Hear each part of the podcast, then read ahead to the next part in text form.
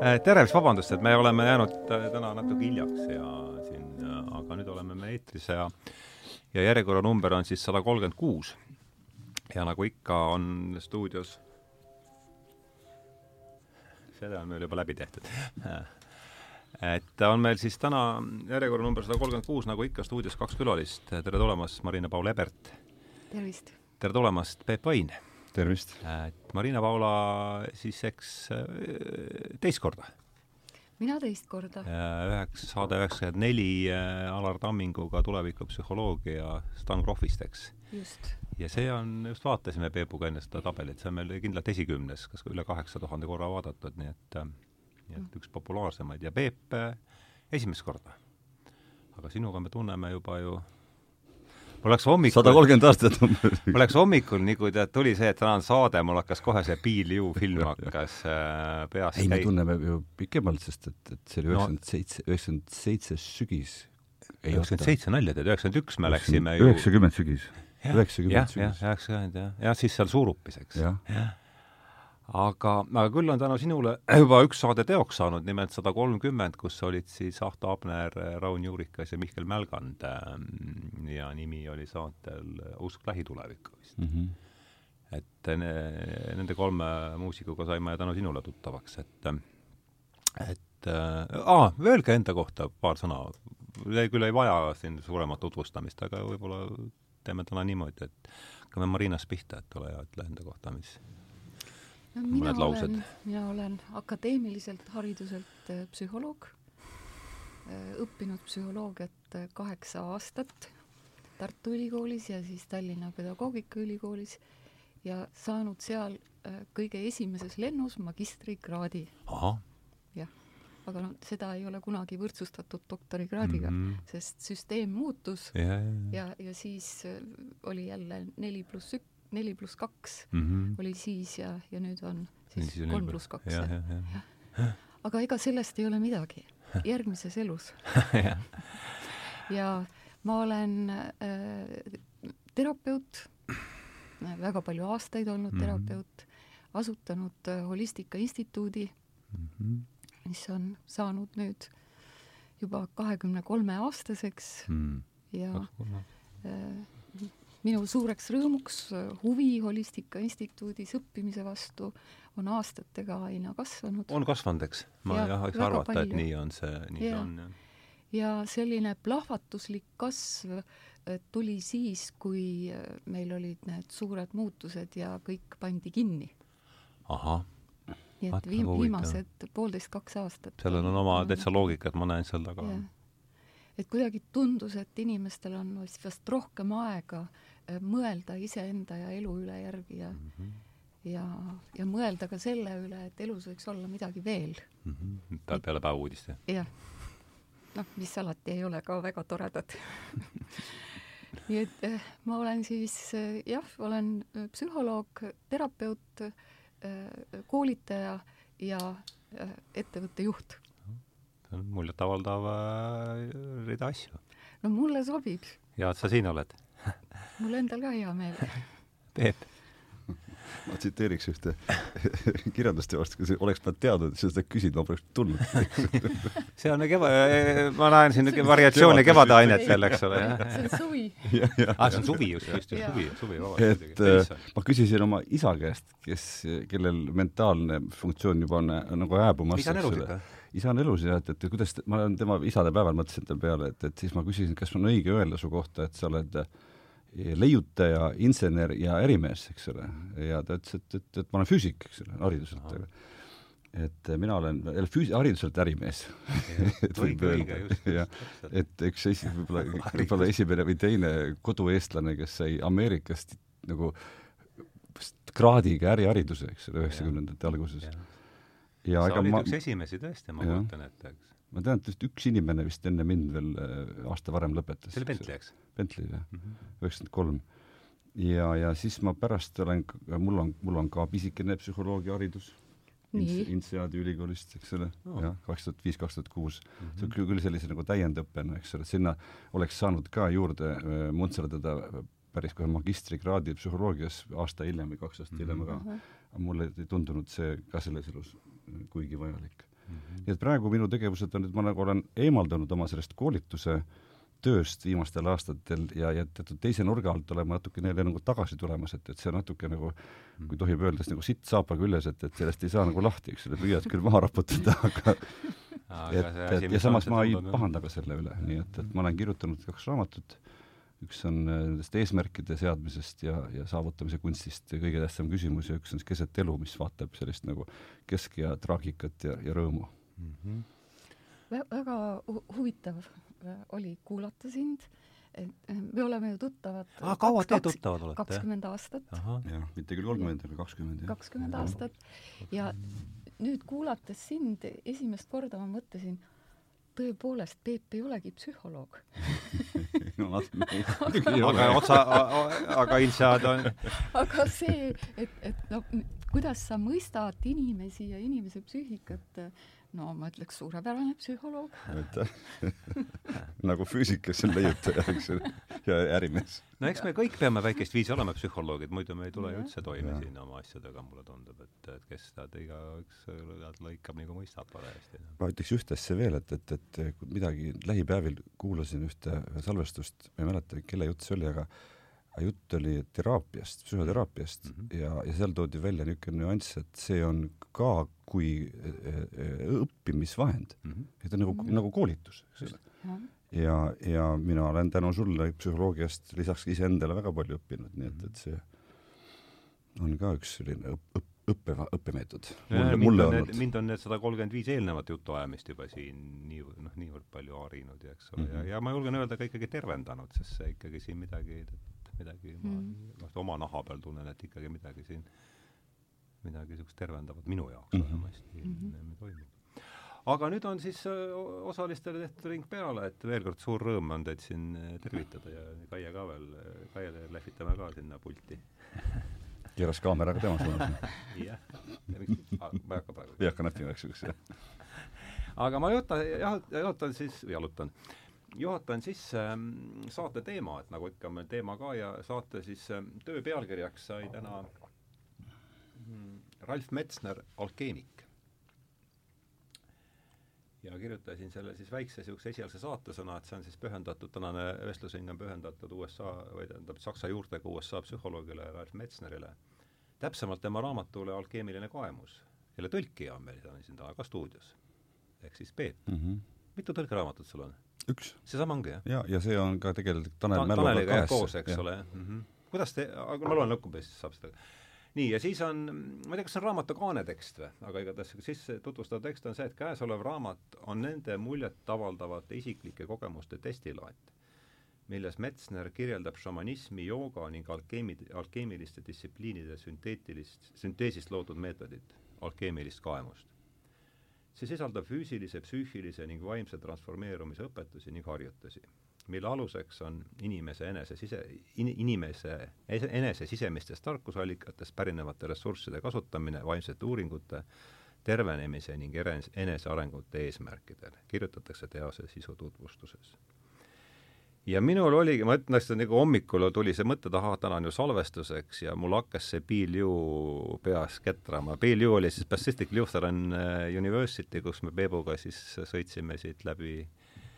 Balti jaamast Leningradi, Kalle oli ka meiega kaasas ja siis olime seal terve sina jääd veel sinna. viis kuud seal viis kuud, jah. see jääd... oli pärast meie legendaarset Surupi sügist, eks ole. jah, see oli pärast seda. me oleme sinuga, saime päris tuttavaks päris hästi. aga noh, tol ajal kui me sinna sõitsime, et mis oli tõenäosus, et me siis, ohoo, kas see on kolmkümmend aastat hiljem või? et me kolmkümmend aastat hiljem teeme sinuga saates šamanismist ja alkeemiast mitte midagi ei viidanud selles mitte midagi ei viidanud seal selles, et sina läksid, sina läksid õppima, eks ole, äri. Too aeg oli, sa ise, see oli niisugune, see, see semester oli selline nagu eelsoojendus. aga jah, selline äri ja majanduse huvi oli, just äri, ärikaldega oli mul, sul oli majanduse ja mina läksin Economicsit ja issand, ma vaatasin seda kuradi kataloogi, mõtlesin, et oh sa vana kurat, kus on ikka ained ja huvitav ja põnev. aga mis koht see siis PLU oli Seattle'i juures äh,, tähendab see Tacoma on see linn, kus ta vist oli, eks ja ta oli Abakukel üks EBS-is üks esimesi selline akadeemiline välismaa koostööpartner, kus tekkis siis vahetus mm, -hmm. päris vahet, see oligi päris adekvaatne vahetusprogramm. ja noh, minul oli ainult paar viimast aastat, et saaksid ainult välja kuhugi mm -hmm. noh, ussa võtta, et ikka noh, ikka päris värk sa vist seda ei tea, et kui tollel suvel, üheksakümmend, Abakuk pakkus välja, et, et neli inimest saaks minna ülikooli ja kaks tükki müüma raamatuid. sa läksid siis mina läksin, mina läksin müüma, aga neli inimest läkski suveks samasse kooli, kuhu me sinuga läksime tol talvel, jaa, täpselt. ma jätsin minemata tol korral suvel mm. -hmm. et sügisel aa, nii et sa kooli läksid, läksid ka esimest korda, tulid ka? sa läksid, just, just, just, just, jah. no vot jah, aga, aga räägi siis, et väga lühidalt, mis on viimase kolmekümne aasta jooksul toimunud, et äh, lühidalt on kuidas, elu, elu toimunud. Et kuidas siis nii, et kuidas siis nii, nii, et pressraad nurka ja, ja alkeemiasse otsapidi, et kuidas seda on küsimus, mis ma enda käest olen küsinud ja ja mis ma küsiks sinu käest ka, et veel kord, et kui me siin Balti jaamas rongi peale läksime üheksakümne esimese aasta jaanuaris, et siis sina mhm. läksid õppima ärihaldust on see vist ja, ja, ja, ja mina ma, turundust, eks ole. ja mina siis, mina rahvamaa rahvamajandust rahvamajanduse juhtimist ja siin me nüüd oleme, et saate nimi on Ralf Metsner Alkeemik, et annab niimoodi paari no paari lausega ütleks siis nii, et, et ega, ega selline oma kodu äh, mugavustsoonist välja murdmine mm -hmm. ühe külje pealt paneb sind silmitsi kõikvõimalike äh, sisemiste ja välimiste teemonitega mm, -hmm. mis on mhm. väga kasulik mm -hmm. mu meelest, eks ole. ja teiseks äh, paneb inimese, eks ole, silmitsi oma nii-öelda ka teemonite ja valgusega, noh, ta peab ka selle ära mainima, kõikvõimalikud muud isikliku elu kannatused ja, ja läbi, läbikatsumised, läbi, läbielamised ja, ja eks ta niimoodi läks, et, et, et selline, ma ei ole sellist kerget, välja arvatud nüüd viimased aastad, eks ole, kerget teed otsinud ja sellega seoses olen ma siis justkui võib-olla, ma ei taha öelda varem kui paljud, sest et ma vaatan tänapäeva noori, kes on kahekümneselt äh,, küsivad samu küsimusi kui mina kolmekümne viieselt, eks ole. aga siiski, et, et, et oma põlvkonna suhtes, et mul on äh, selline äh, elu eh, oma eh, väljakutsetega pannud, eks ole, esitama sisulisi küsimusi ja, ja vaatama omaenda neid eh, kannatuste põhjusi. ja siis see on ka mind viinud psühhoteraapiasse ja siis sealt edasi, millest me ei saa täna ka rääkimata jätta, eks sest Ralf Metsner oli ju psühhedeelse liikumise üks rajajatest, kui noh, täitsa ilma vähe, vähimagi liialduseta. ja, ja siis äh, on ka mul erinevaid juba enne Metsleriga tutvumist selliseid kogemusi ja need omakorda sunnivad jällegi nagu küsima endalt veelgi sisulisemaid küsimusi ja siis eks, eks need erinevad praktikad viisid mind äh, varem, varem või hiljem temani välja mm. -hmm. ja tema koolitusteni ja tema kogemusteni ja rännakuteni, nii et, et selline ja sealt, mina pean teda enda noh, kõige olulisemaks õpetajaks seni mm ja, ja olen, võtsin isegi kaasa, nagu sa näed siin selle mapka, eks ole, mis on kogutud teosed, nagu Lenin ütleks. ja, ja see huvi on mind saatnud siiamaani, nii et, et, et äh, selline on see lühike, võib-olla lühikesed sammud sealt siia, nagu sa küsisid. Nojah, ma panin kirjad mugavustsoonist välja, meie paneb su vastamisi oma sisemiste ja välimiste teemonitega, et ma arvan, see võtab selle selle vastuse, mis mul oli kirjas. aga Marina, räägi sina oota, ma ütlen ühe asja veel, et ah, kui su huvi on tekkinud ja kui sa oled justkui sellele teele sattunud ja sa oled, sul on nagu ütleme, üle keskmise intel-, intellekt, siis sa sellelt teelt justkui sul pole õigust maha astuda mm. -hmm. nagu öeldakse vanasti, ainult edasi, eks ole, ja sügavamale mm -hmm. või kõrgemale mm. -hmm. just aga räägi palun, Marina, kuidas sina, mis on sinu kokkupuutepunkt üldse? et ma mäletan, et kui me Peebuga rääkisime mm, -hmm. et mhm. siis oli kohe mõte oli, et, et, et Marina võiks olla see teine vestluspartner. sa küll, kui ma sulle helistasin, siis sa ütlesid, et see noh, et, et ei ole nii tuttav, et loeks üle, aga aga räägi, et kuidas mis sul no, sinu lugu Metsneriga? nüüd äh, selgus äh, siin ja, ja praegu, et äh, ma tegelikult lugesin Metsneri teist raamatut. mitte seda alkeemilist kaemust, vaid Meeleruum ja ajavoog. see on ka eesti keeles olemas, mhm. eks? kas kaks Metsnerit on või rohkem seda või? kaks on eesti keeles. jah, ja mm, -hmm. ja, ja noh, see oli minu jaoks äärmiselt kasulik lugemine sa lugesid nüüd, eks, saates valmistudes? esimest korda, jah? jah, esimest korda. mis jäi kõrva? ja äh, ma ju ennegi, kui ma ostsin selle raamatu, siis ma lõin ta lahti ja vaatasin, et nojah, siin on ju sellised asjad, mida ma ju tegelikult ammu tean ja, äh, ja et noh, mida see võiks siis nüüd huvi pakkuda. nüüd, kuna oli vaja siis ka äh, selleks saateks valmis olla, siis võtsin ta kätte, et, et ma siis töötan selle raamatu läbi ja mida kaugemale ma jõudsin selle raamatuga, seda huvitavamaks tegelikult mm. minu jaoks läks uh. -huh. ja ähm, siis ma mõtlesin, et ähm, miks küll kakskümmend viis aastat tagasi, kui mina sukeldusin mm. teadvuse äh, uuringutesse ise -hmm. kuna äh, ma olen idealistist psühhoterapeut ja psühholoog -hmm. et ma olen alati tahtnud otsida sellist ideaalset viisi, mismoodi inimesi saaks aidata ja siis mu mu see soov ja taotlus viis mind kokku ühe naisega, kes tegi sisemaailma rännakuid uh. -huh ja need rännakud olid muutunud teadvusseisundis, sellises mm -hmm. lõõgastunud meditatiivses seisundis mm. -hmm ja mina, kes ma olin ju psühholoogi ja terapeudina teinud läbi väga palju erinevaid teraapiaid enne, tundsin enda peal seda sise, sisemaailma rännaku mõju.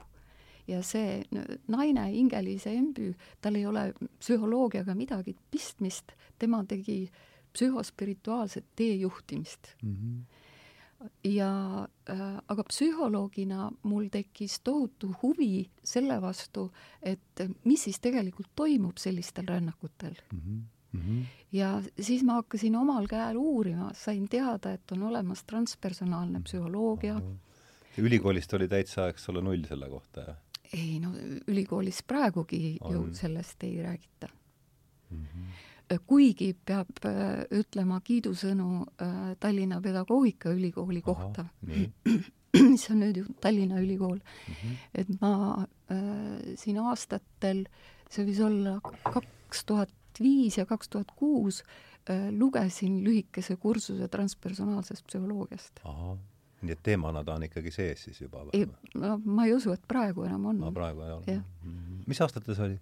Ma arvan, et see oli kas kaks tuhat neli, kaks tuhat viis, et kus, kuskil umbes niimoodi see võis olla, aga noh, praegu see bakalaureuse programm on nii standardiseeritud programm, et ma ei usu, et sinna niisugune anomaalia sisse mahub mm -hmm. nagu mhm. transpersonaalne psühholoogia mm. -hmm aga äh,, aga jah, et see on olnud minu kahekümne viie aasta pikkune teekond, et aru saada, mis toimub äh, sellisel meditatiivses seisundis sisemaailma rännakul mm. -hmm. nii et noh, selle tõttu see Metsneri raamat oli minu jaoks tohutult põnev asi, et ma sain sealt äh, ka vastuseid nendele küsimustele mis äh, mu peas on äh, kogu aeg ringi keerelnud mm -hmm. sellist, et no mis puudutab surmalähedasi kogemusi mm, -hmm. näiteks kehaväliseid kogemusi ja, ja mulle meeldis see väga kiretu stiil mm, -hmm. milles see raamat on kirjutatud mm. -hmm. et noh, nii nagu sina tead, et tal on ju omaenda huvid olnud, ta, ta lahkab väga loogiliselt nii seda meditsiinimaailma andes füsioloogilisi põhjendusi, kui siis toob sinna sisse kõik see, mis, mis puudutab no, neid aineid, millega avardunud teadusseisundeid saavutatakse mm, -hmm. pluss siis ka narkootilised ained mm. -hmm. ja, ja siin selles raamatus oli niivõrd hästi ära seletatud see, mis on narkootiliste ainete ja psühhoteeliliste ainete mm -hmm. erinevus mm. -hmm see ei ole võib-olla üldse halb asi, kust eh, noh, ega ei pruugi ju arvata, et kuulajad üldse on eh, kursis nende põhimõistetega, et kus sina, ma see niisugused mõisted nagu narkootikumid ja psühhedeelikumid, et kuidas sina, Peep, seda vahet, vahet teed, et ma arvan, see on oluline, oluline eristus? ma pean kõigepealt mm -hmm. meenutama Murdeiga, kus minu vanemate raamaturiiulis oli ühe Rumeenia autori, kelle nimi oli mingi, mingi midagi moodi oli, ja seal oli Põrgupass ja see oli, seal oli võetud siis ikkagi nagu hardcore narkootikumid ette ja olid need siis peatükk peatüki haaval ära demoniseeritud nii, et, et nagu igasugune noh, niisugune nagu no väga hirmutav mm, -hmm. täiesti, ja see, seetõttu minu kogemused on noh, selles mõttes piiratud, aga just need, kui see psühhedeelikumide teema tuli mängu, kahe tuhande, nullindate seal lõpupoole nullindate lõpupoole kuskil keskel, jah, sinu jaoks, jah? minu jaoks jah mm, -hmm. et, et, et läbi ayahuasca, siis muidugi see oli nii põnev ja nii, nii kasulik, siis ma hakkasin lugema ja uurima ja siis ma saingi aru, et, et on olemas ikkagi eks ole, need uinutid rahustid, siis on ergutid ja, ja siis on psühhedeelikumid, eks ole, kolmas kategooria ja kanep on seal keskel justkui nagu omaette kategooria, Vikipeedia järgi, eks. jah, Jaanus Harro jätka oma selles, kas sa seda uimastite sajandit oled lugenud või? tema -hmm. minu meelest paneb ka, minu arust on tema hea ülevaatlik raamat sellest teemast. ja siis, ja siis justkui nagu sai loetud ja uuritud ikkagi põhjalikult, eks ole, et, et mis on mis ja ja noh, üks, üks teema, mis selliste nagu teadvust avardavate või, või nagu meelt muutvate vahendite kohta käib, et, et kas on tegemist sõltuvust tekitavate asjadega või mitte mm. -hmm. muide, ma lugesin ka veel LSD mikrodoosi kohta ja, paar aastat tagasi ja see daam, kes selle kirjutas, tegi enda peal selle protsessi läbi kirjeldas veel väga huvitavalt, et, et ka nende sama tagasi rumeenlase juurde, et see, mida rumeenlane kirjutas, mida ka tegelikult püütakse justkui nagu propageerida, on nagu umbes praegune see viiruse periood on ülevõime, jõhkra ülevõimendusega mm. -hmm. eks ole, et aga, aga sellegi vaatamata, et ma nagu olen ka oma lastele eh, pidanud pikki loenguid sel teemal, mis on mis, kui nad olid murdeealised, eks ole, et ja mis on sõltuvust tekitav, mis praegu nad on kõik ühes sahtlis äh, nimega mm -hmm. noh, ja ei mine sinna lähedalegi. just, jah ja jah, ma mäletan üks, üks äh, sõltuvus, äh, meie ühine sõber äh, Brasiilia maalt, tema käest, tema käest küsiti, et kas ayahuasca on sõltuvust tekitav aine või jook, siis ta ei ole aine. ütles, et kui inimene, kui inimene, kes on seda on teinud üle kolme tuhande korra, võib kindlalt väita, et ei ole sõltuvust tekitav. Aga ma tsiteeriksin siinkohal Ralf Metsnerit, kui tema oleks praegu siin, siis tema käest see küsimus küsida, siis ta vastaks umbes läbi sellise kasulikkuse printsiibi, et, et, et kus on niisugused õpetused ja õppetunnid peidus mm. -hmm. et seal stimulantide ja nende, nende, ma ei saa ei oska, uinutid või ei, rahustid. rahustid. The depressants, eks ole. ja, ja rahustid.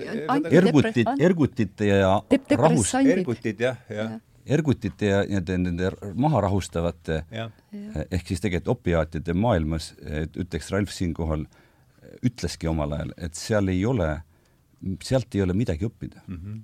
sealt ei ole mitte midagi õppida, selle, sellepärast on ta niisugune, pidi olema meelelahutuslik ja, ja, ja kasutu mm. -hmm. aga psühhedeelikumidest on õppida palju mm -hmm. ja seda näiteks needsamad, seesama Luis ju, keda sa tsiteerid, eks ole, tema ütles, et plantes doctores just. taimed õpetajad, taimedest õpetajad.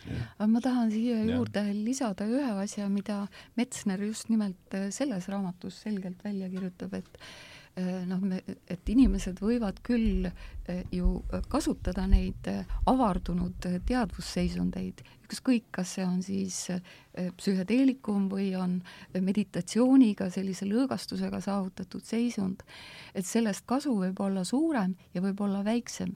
Ja, ja see kasu sõltub sellest, mis juhtub pärast seda. Mm,. Et, äh, et mida selle äh, kogemusega tehakse mm, -hmm. et kui see on lihtsalt äh, noh, teeme natukene nalja nädala lõpul, et siis sellest ei pruugi mitte midagi kasu olla, aga et kui see töötatakse läbi, siis võib inimene teadvustada endale iseenda kohta ka selliseid asju, mille peale ta muidu ei oleks kuidagi tulnud -hmm. nii et siin on üks tore tsitaat äh, mm, Jack Cornfield äh, tavatseb öelda pärast ekstaasi pesu pesema mm. -hmm. After ecstasy laundry on tema originaaltsitaat, eks mm. -hmm. Mm -hmm. et, nii, et, nii ta on päris hea kokkuvõte sellest. jah. jaa. aga Peep, sina tundsid äh, Metsnerit ju isiklikult, kui olete kokku puutunud, kuidas sa üldse, äh, paari sõnaga võiks ju ära visandada, mis ta üldse niisugune elulugu ja et noh, kellest me üldse räägime, et ta on siis Harvardis äh, sündis kolmkümmend kuus. oli koos, eks jaa, aga ma veel lasin isegi tagasi, sündis kolmkümmend kuus, ehk siis Aha. nagu aasta enne mu ema ja kaks enne mu isa mm. -hmm. ja sündis äh, šotilt, šotlasest ema ja sakslasest isa perekonnas Berliinis enne teist maailmasõda mm. -hmm. et kui siis äh, lahingud käisid äh, siis ta ütles, et, et mul oli kodus kaks vainutsevat poolt. ja ta elas siis kuskil eh, sõja lõpuni äh, Saksamaal, kui sõda lõppes, siis ta vanemad saatsid ta Šotimaale, siis ema pärit, ema päritolumaale kooli, oli seal mingid inter-, internaatkoolis. sõja oli siis Saksamaal? jaa mm, -hmm. jaa. isa oli tal kas kirjastuse omanik või midagi sellist ja siis niisugune äh, vanemad tegid, said sõjast läbi elu? jaa, jaa, said elusast läbi ilusti ja, ja ja siis ta sattus, saadeti äh, Šotimaale kooli ja siis, kui tal see kool läbi sai, siis ta oli nagu justkui Saksamaast nagu irdunud või võõrdunud, läks Ameerikasse Harvardisse ülikooli mm. -hmm. ja seal ta siis äh, kohtus äh, Timothy Leary'ga ja oli siis, nagu ma ütlesin ennem, selle psühhedeelse liikumise üks äh, nagu teedrajajaid, eks ole, teerajajatest. et ta töötas Leary'ga tihedalt koos või tead sa jaa, jaa, mingi maani, eks, sest mm -hmm. Leary ju teadupärast läks natuke nagu hulluks lõpus, eks ole, et ja pandi ka vangi mm -hmm. ja oma suurte väljaütlemiste kõige ohtlikumaks meheks, jah, jah. et ähm, ja siis Ralf äh, mingil hetkel nagu sellest maailma, kolmas mees oli ka muide, oli Ram Dass ehk Richard Alpert, eks ole mm, -hmm. ja Ram Dass läks hoopis nagu siis nii-öelda puhta meditatsiooni ja, ja keskendumise teele. suri nüüd ka paar aastat tagasi, eks ole, nagu ka Ralf ja Ralf sa ütlesid, et nad olid kolmekesi siis? Nad olid kolmekesi. Leeri oli nagu ja... ütleme, niisugune, niisugune eh, dotsent ja nemad olid nagu aspirandid siis.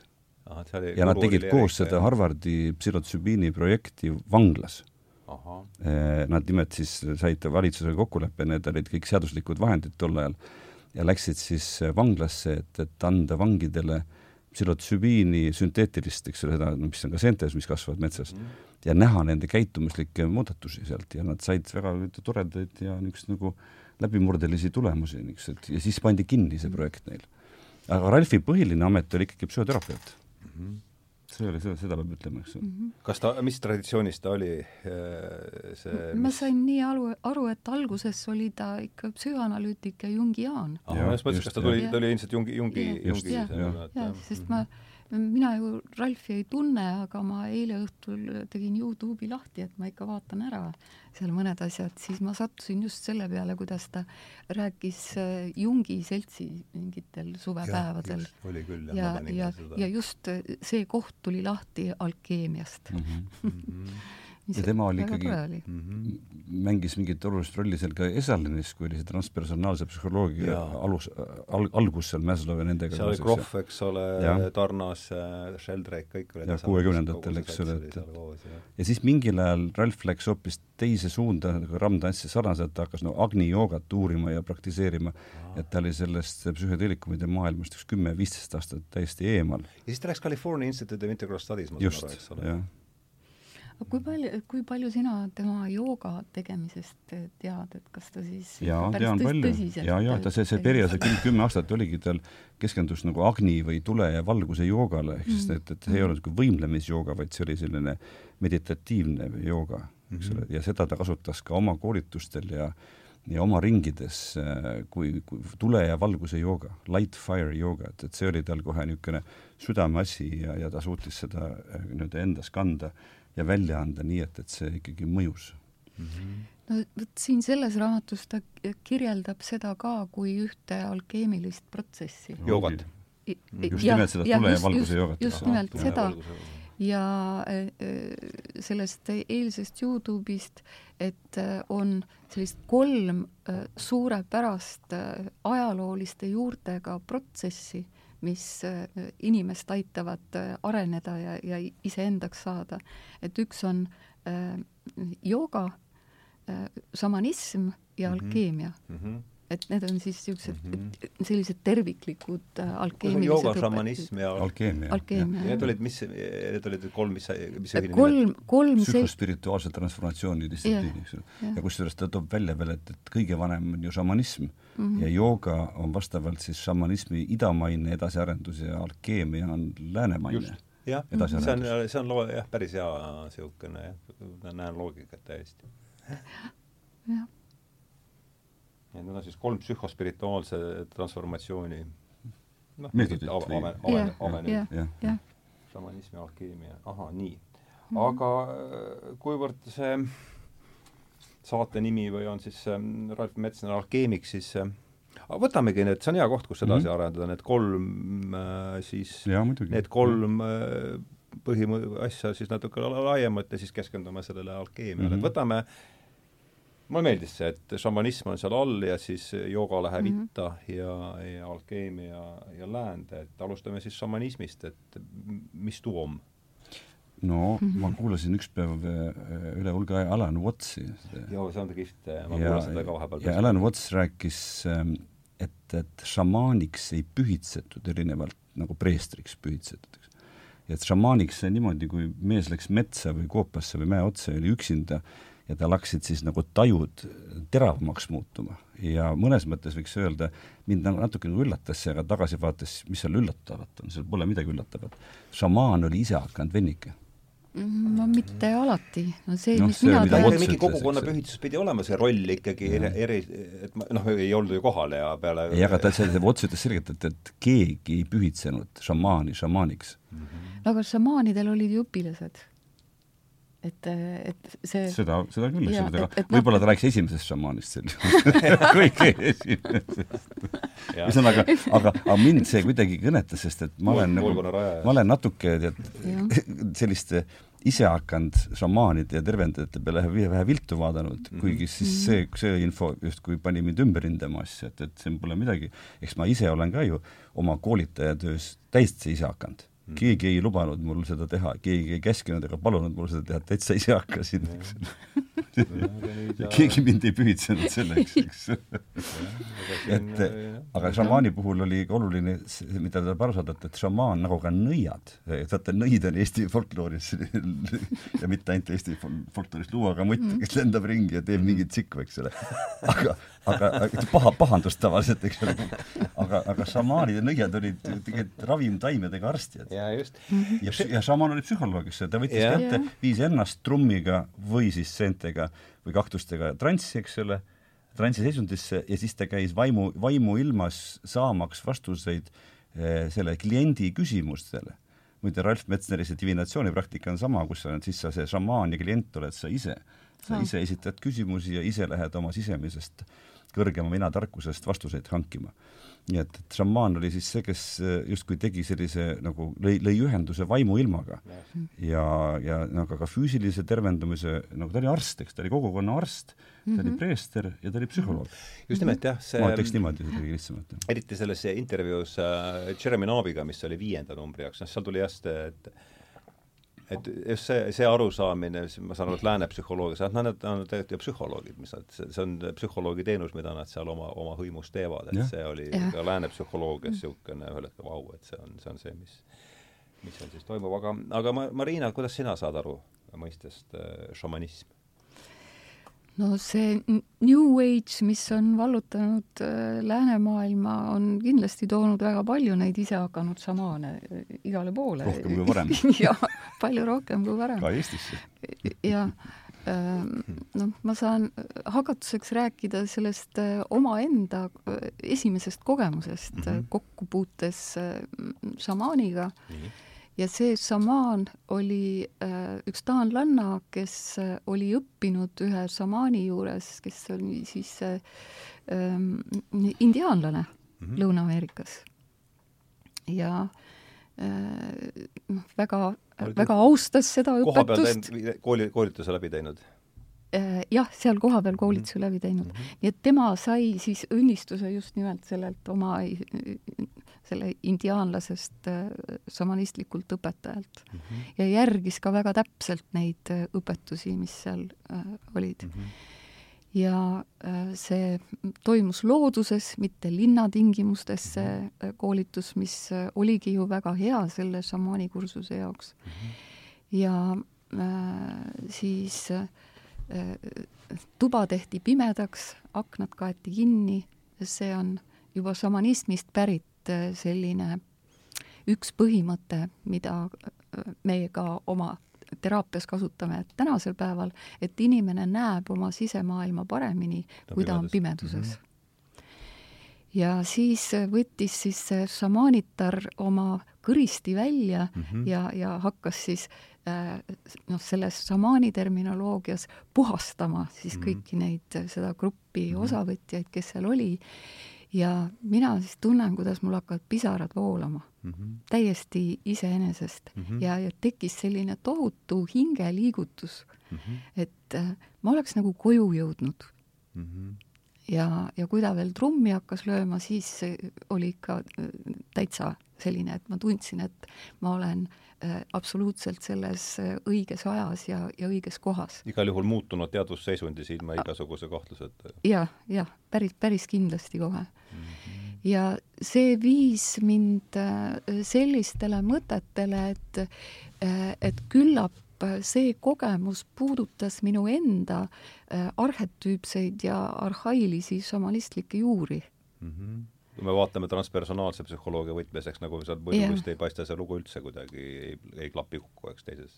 noh, just. ja, ja, ja see oli väga äh, avardav kogemus ja, ja viis mind äh, jälle palju sügavamale arusaamile, saamisele iseendast mm. -hmm ja, ja palju paremale ühendusele selle looduse riigiga -hmm. sellepärast et šamanismis kasutatakse just nimelt loodus, looduse termineid mm. -hmm ja äh, seal on väeloomad ja, ja siis on seal vikerkaare pilve peal on äh, vaimsed õpetajad ja siis vahepeal käiakse siin inimeste maailmas ka. et see kõik kuidagi selle minu Äh, lääne psühholoogiast täis tuubitud aju äh, pani teistmoodi tööle mm -hmm. ja, ja sellest ja, oli härra Tanusetul tekkis kogemus, eks? jah, jah, tänu et sellele see on raamatust loetud äh, Joru ja, ja tänu sellele omaenda isiklikule kogemusele mm. -hmm. jah, aga enne kui nüüd läheme see jooga ja et, et see mõte, et, et noh, mulle, et üldse šamanismist saaks rääkida kui nähtusest, et ja seda kuidagi selgitada, ma arvan, et see transpersona-, transpersonaalne psühholoogia ja, ja et, et teeme siin ka ringi peale, et kuidas ja. sina sellest mõistest enne kui me selle juurde läheme, et mis ka Ralf Metsneri oma niisuguse nagu olemuses ja tegevuses nagu tegelikult läbi paistis kogu aeg nagu, mitte varjatud väga nagu mm, -hmm. nagu jõuliselt, eks ole mm. -hmm. ja mis ka šamanismist tuleb, oli, šamanism on nagu panpsühhistlik absoluutselt äh, lähenemine või vaim tegelikult oleks asja, õigem öelda mitte hing või vaim, eks ole, kuigi eesti keeles psüühia on, eks ole, hing. mina jääksin isegi siin pigem, siin ja. kontekstis jääksin pigem hinge Ralf, juurde. Ralf rõhutas just nimelt spirits. Okei okay, jah, no ütleme, see on nii mm. tead jällegi see, see on, ei maksa vist kinni kiiluda. ja ei maksa sellest jah, aga Eesti ja. animismi, animismis kindlasti kasutatakse hinge terminit. jah, mulle kadus jah. et, et iga, iga asi on hingestatud, siis ma isegi tõlkisin vist selle raamatu ja, ja, just, just jah, jah, jah, panpsühhism on siin see võtmemõiste. ja, ja mm -hmm. minu jaoks oli üks nagu võib-olla selliseid äh, sarnaselt Marina räägitule äh, Ralf Metsneriga koos olles ja tema õp õpingutel äh, läbi kogetud see, kuidas tema just seda hingestatud nähtamatut maailma kirjeldas ja edasi andis. et, et, et ka mhm. minu sellises materialistlikus nagu suhteliselt kõvas peas, eks ole. sest sa läksid ju ka mobiiliu bakalaureusekraadiga. äri ja müük, eks ole, kõik ja olles loomulikult enne siis juba nagu üht-teist kogenud ka nähtamatute maailmate okay. vallas, eks ole, aga just see, et, et ma mäletan ka kuulates Ralf Metseri, et, et ja siis täiesti oma, oma siis noh, salaja selles hingesopis julgesin öelda, nii et keegi teine ei kuulnud, aga võib-olla tõesti. jah et nagu, nagu ta lõi minu sellisesse loogilisesse materiaalsesse maailmakäsitlusse nagu esimese sellise nagu mm -hmm. tugeva mõra, või teise tugeva mõra, eks ole, see esimene mujalt pärit. ja, ja just see oli erakordselt kihvt, eks ole, et, et ja siis see tagasi selle šamanismi ja ka nende teiste asjade juurde, et, et, et, et, et ei ole ainult see kolmemõõtmeline laud, eks ole, mis koosneb puidust ja metallist ja, ja jalgosadest, eks. kivipuidinatest. vaid me näeme, on, on palju asju, mida me justkui ei näe ja nende nii-öelda, kui Raifi käest küsiti, et mis asi on, mis asi on vaimne, ja see on mm -hmm. ka mhm. tänapäeva Eestis, ma arvan, üsna oluline küsimus, siis ta ütles, et vaimne ei ole midagi muud kui see, et ta jaatab vaimude olemasolu mm. -hmm ehk siis mittemateriaalset äh, nähtust või? aga mis ta inglise keeles ütleb siis, sest et see vaimne eesti keeles on ütles niimoodi, et see spiritual means affirming the existence of spirits. aa, mhm. jah selles mõttes vaim. täpselt niimoodi, jah ja. Mm. et see ongi see vaim ja hing, see ja see on ju väga keeruline, see on nii konteksti tundlik, tundlik jah, just täpselt, jah aga no mis mind on palju aidanud edasi, just on seesama psühholoog, kellega mina siin olen viimastel nädalatel ja kuudel, ütleme ikkagi kuudel tegelikult, James Hillman, et just see lause, et, et meelepõhi on poeetiline, et seal ei olegi noh, see on mhm. paratamatu, et seal me lihtsalt, üks metafoor tõlgendatakse teiseks ja seal mm -hmm. ei mhm. olegi, ei olegi võimalik noh, mingit niisugust joonlauda ei ole ju võimalik panna paika. ja see sinu lause tuletas mulle meelde Ralfi ütlemised, et, et, et see oli, Rats, ta ütles mitte, mitte, mitte ebaratsionaalne mm, -hmm. vaid mitteratsionaalne. või isegi kasutatakse super rational, et või isegi, isegi sellest jah, ratsionaalsusest et, et, et need asjad, mida me ei näe ja ei katsu, et need ei ole mm -hmm. ebaratsionaalsed, need on perfektselt justkui nagu ja mitte ebaratsionaalsed mm, -hmm. vaid nad on mitteratsionaalsed mm. -hmm. just, et ma tahan poeetiliselt, võiks ka öelda. ja nad on ka empiirilised selles ja, mõttes, et nad, nad on kogetavad, sest no ja, ja no mis on muidugi see šamanismi puhul tähtis, et ma saan aru, et see topeltpime katse ei ole seal väga nagu rakendatav eksperimendimeetod, eks, et see käib seal hoopis teise, käib seal hoopis teise aga tasub jälle selle topeltpimeda kohta, Ralf Metser rõhutas radikaalset empiirilisust, eks ole, kus on siis empiiriline pluss üks et mul on sarnane kogemus ja kellelgi teisel on veel mm. -hmm. just, just, no see on William Jamesist tuleb just, see äh, radikaalne, minu arust Tarnas kasutab seda radikaalse empirismi mõistet just seoses usulise kogemuse mitmekesisusega mm, -hmm. et äh, et meil siin lääne selles äh, teaduslikus mõttes on see ainukese teaduslikkuse mõõdupuuks on seesama topeltpimekatse, eks, aga seal on see ikkagi noh, jällegi isiklik kogemus on see, mis äh, sest juur on ju sama, et see empiiria mhm. või, või, või kogemus, eks. aga hästi, et äh, aga võtame siis, teeme veel sellele sõnapaarile ka järsku ringi peale, et kuidas transpersonaalne, transpersonaalne ja väga hea, et sa selle psü-, panpsühhismi poole sisse tõid, see oli ja minu jaoks on see väga lihtne, ma ei mäleta, kas see on siis õpiku definitsioon või mitte, aga see on mhm. ikkagi oma, oma isiksusest justkui kõrgemale tõusmine, transs on läbi mm, -hmm. üle, mööda, eks ole, ja see on isiksuse ülene mm. -hmm. et, et psühholoogia, mis ütleb, et, et sinu poor little me, eks ole, ei olegi kõige suurem ja tähtsam asi sinu universumis. mitte ainuke asi, vaid selle ja, ja, ja, ja su enda nii-öelda psüühika kontekstis on seal veel palju muid mõõtmeid, kuid tõusedki oma sellest persoonast mm, -hmm. transpersonal, kõrgemale mm. -hmm. no Vil... ehk see on vaimne praktika selles ja, mõttes. Vaimse praktikaga on sinna jõu-, selle äratundmiseni, ma arvan, hea, mina mõtlen nende jaoks niimoodi. no kui nüüd äh, Vilberit äh, uskuda ja mm, -hmm. ja tsiteerida, siis äh, tema näeb asja nii äh,, tem-, tema selgitus selle transpersonaalse kohta on siis selline, et et mul on see äh, keha mina, see mm -hmm. minu kehaline osa koos kõigi oma protsesside ja mhm. refleksioonidega mm, -hmm. siis mul on see mõtteline või keeleline mina mm. -hmm. jah, see on siis mu, mu mõtted iseendast mm, -hmm. ehk siis see on ego mm -hmm. ja, ja tervik mina mm. -hmm. nii et siis sellele kehaminale ja mõttelisele minale lisandub hingedimensioon. nii et see, see on, see on tervikmina. ja transpersonaalne tuleb siis pärast seda kui need, need kolm mina omavahel juba kenasti koostööd teevad, et siis mm. me saame hakata rääkima transpersonaalsetest veel? Vilber. Vilber, jah, muidugi. et siis hakkame rääkima kõigest sellest, mis on transpersonaalne, ehk siis isiksuse ülene. no Jung ju paneb selle selfi või mina sisse hinge ka. nii et, et hing kuulub veel sinna sellesse mm. inimeste maailma Mhm. sellisesse terviklikku minasse, hästi, hästi terviklikku toimivasse minasse. aga mhm. see, mis läheb sellest üle, nii nagu sa ütlesid, mhm. et see on siis transpersonaalne ehk isiku, isiksuse ülene. ja mis sisuliselt tähendab seda, et äh, arengus tuleb siis selle minaga mida, keda, keda on siis teadvustatud ja üles ehitatud, tasapisi hakata hüvasti jätma. et mm, -hmm. et siis toimub veel teadvuse avardumine ja koos selle avardumisega võime jälle uut informatsiooni läbi töötada mm, -hmm. mis puudutab just nimelt rohkem seda nähtamatut elusfääri mm. -hmm.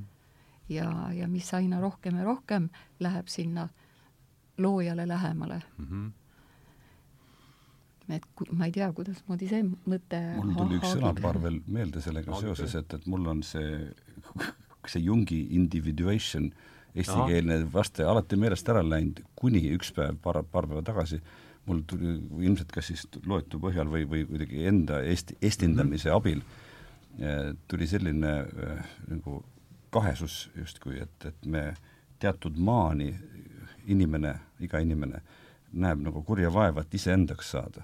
Kuidagi mm -hmm. endast, oma isiksuse tasandil mm. -hmm. ütleme, et pool elu me saame, tegeleme iseendaks saamisele tuleme ja pool elu vanemate alt välja, eks ole, ujume. aga pool, teine pool elu peaksime tegelema iseendast lahtisaamisega mm. -hmm. et see sama, mis sa ütlesid, eks no,. just nimelt, aga aga elukaare, eks ole, kõik, jah. just, oma isiksuse diktaadist äh, vabanemisega. ja, ja piirangutest. jah, see on, ütleme, üks võimalus, et see ego, ego on see mingisugune vaimu või võimukeskus, et seda kuidagi siis mm -hmm. lahustada või no, võib-olla ütles, et, et esimene pool elu tegeleme enda tõsiseltvõtmisega ja teise pool elu enda mitte tõsiseltvõtmisega, äkki võiks nii öelda. variatsioon seal ma arvan, väga hästi öeldud. Vaid nagu öeldakse, et inimesed, kes on raha teeninud palju, et siis alguses palju teeninud raha pärast näevad kurja halvasti lahti saada, eks ole, laiali jagada. jah, mõnel läheb lihtsamalt see nii no, aga... kui, kui kõik inimesed sellest niimoodi aru saaksid, siis oleks küll väga hea elu. aga noh, ilmselt mõni sinna lahti saamiseni ikka üldse ei jõuagi. ei no ma arvan, paljud ei jõuaks selle isiksuseni, eks paljud ei, suurem osa ei jõua selle rikkuse kohjamiseni kõigepealt. ei, ilmselt jutt käis, eks ole, sellest personaalsest ja transpersonaalsest. jah, mit-, mitu juttu läks korraga, korraga käima. aga tuleme tagasi selle, see mulle meeldis see skeem, et hästi see šamanism on siis äh, psühhoteraapia, mis ulatub tõenäoliselt noh, kõige suuremasse juurde, eks ole. jah, ja, ja see on siis see ühine, ühine juurikas, kus me kõik tuleme ja, ja mingil hetkel, kui siin tekib juba ida ja, ja lääs, et siis läheb see, üks osa läheb äh, jooga siis ida poole sellest samast tüvist ja, ja alkeemia läände, et see tundus olevat äh, ma tean, et sa oled joogaga tegelenud äh, kindlasti põhjalikumalt vist viisteist aastat kui mina ja, ja ma ei tea, Marina kogemust ma ei tea, aga mina aga... ka. oled, oled jah? jah, minu -hmm. lemmik Astanga jooga.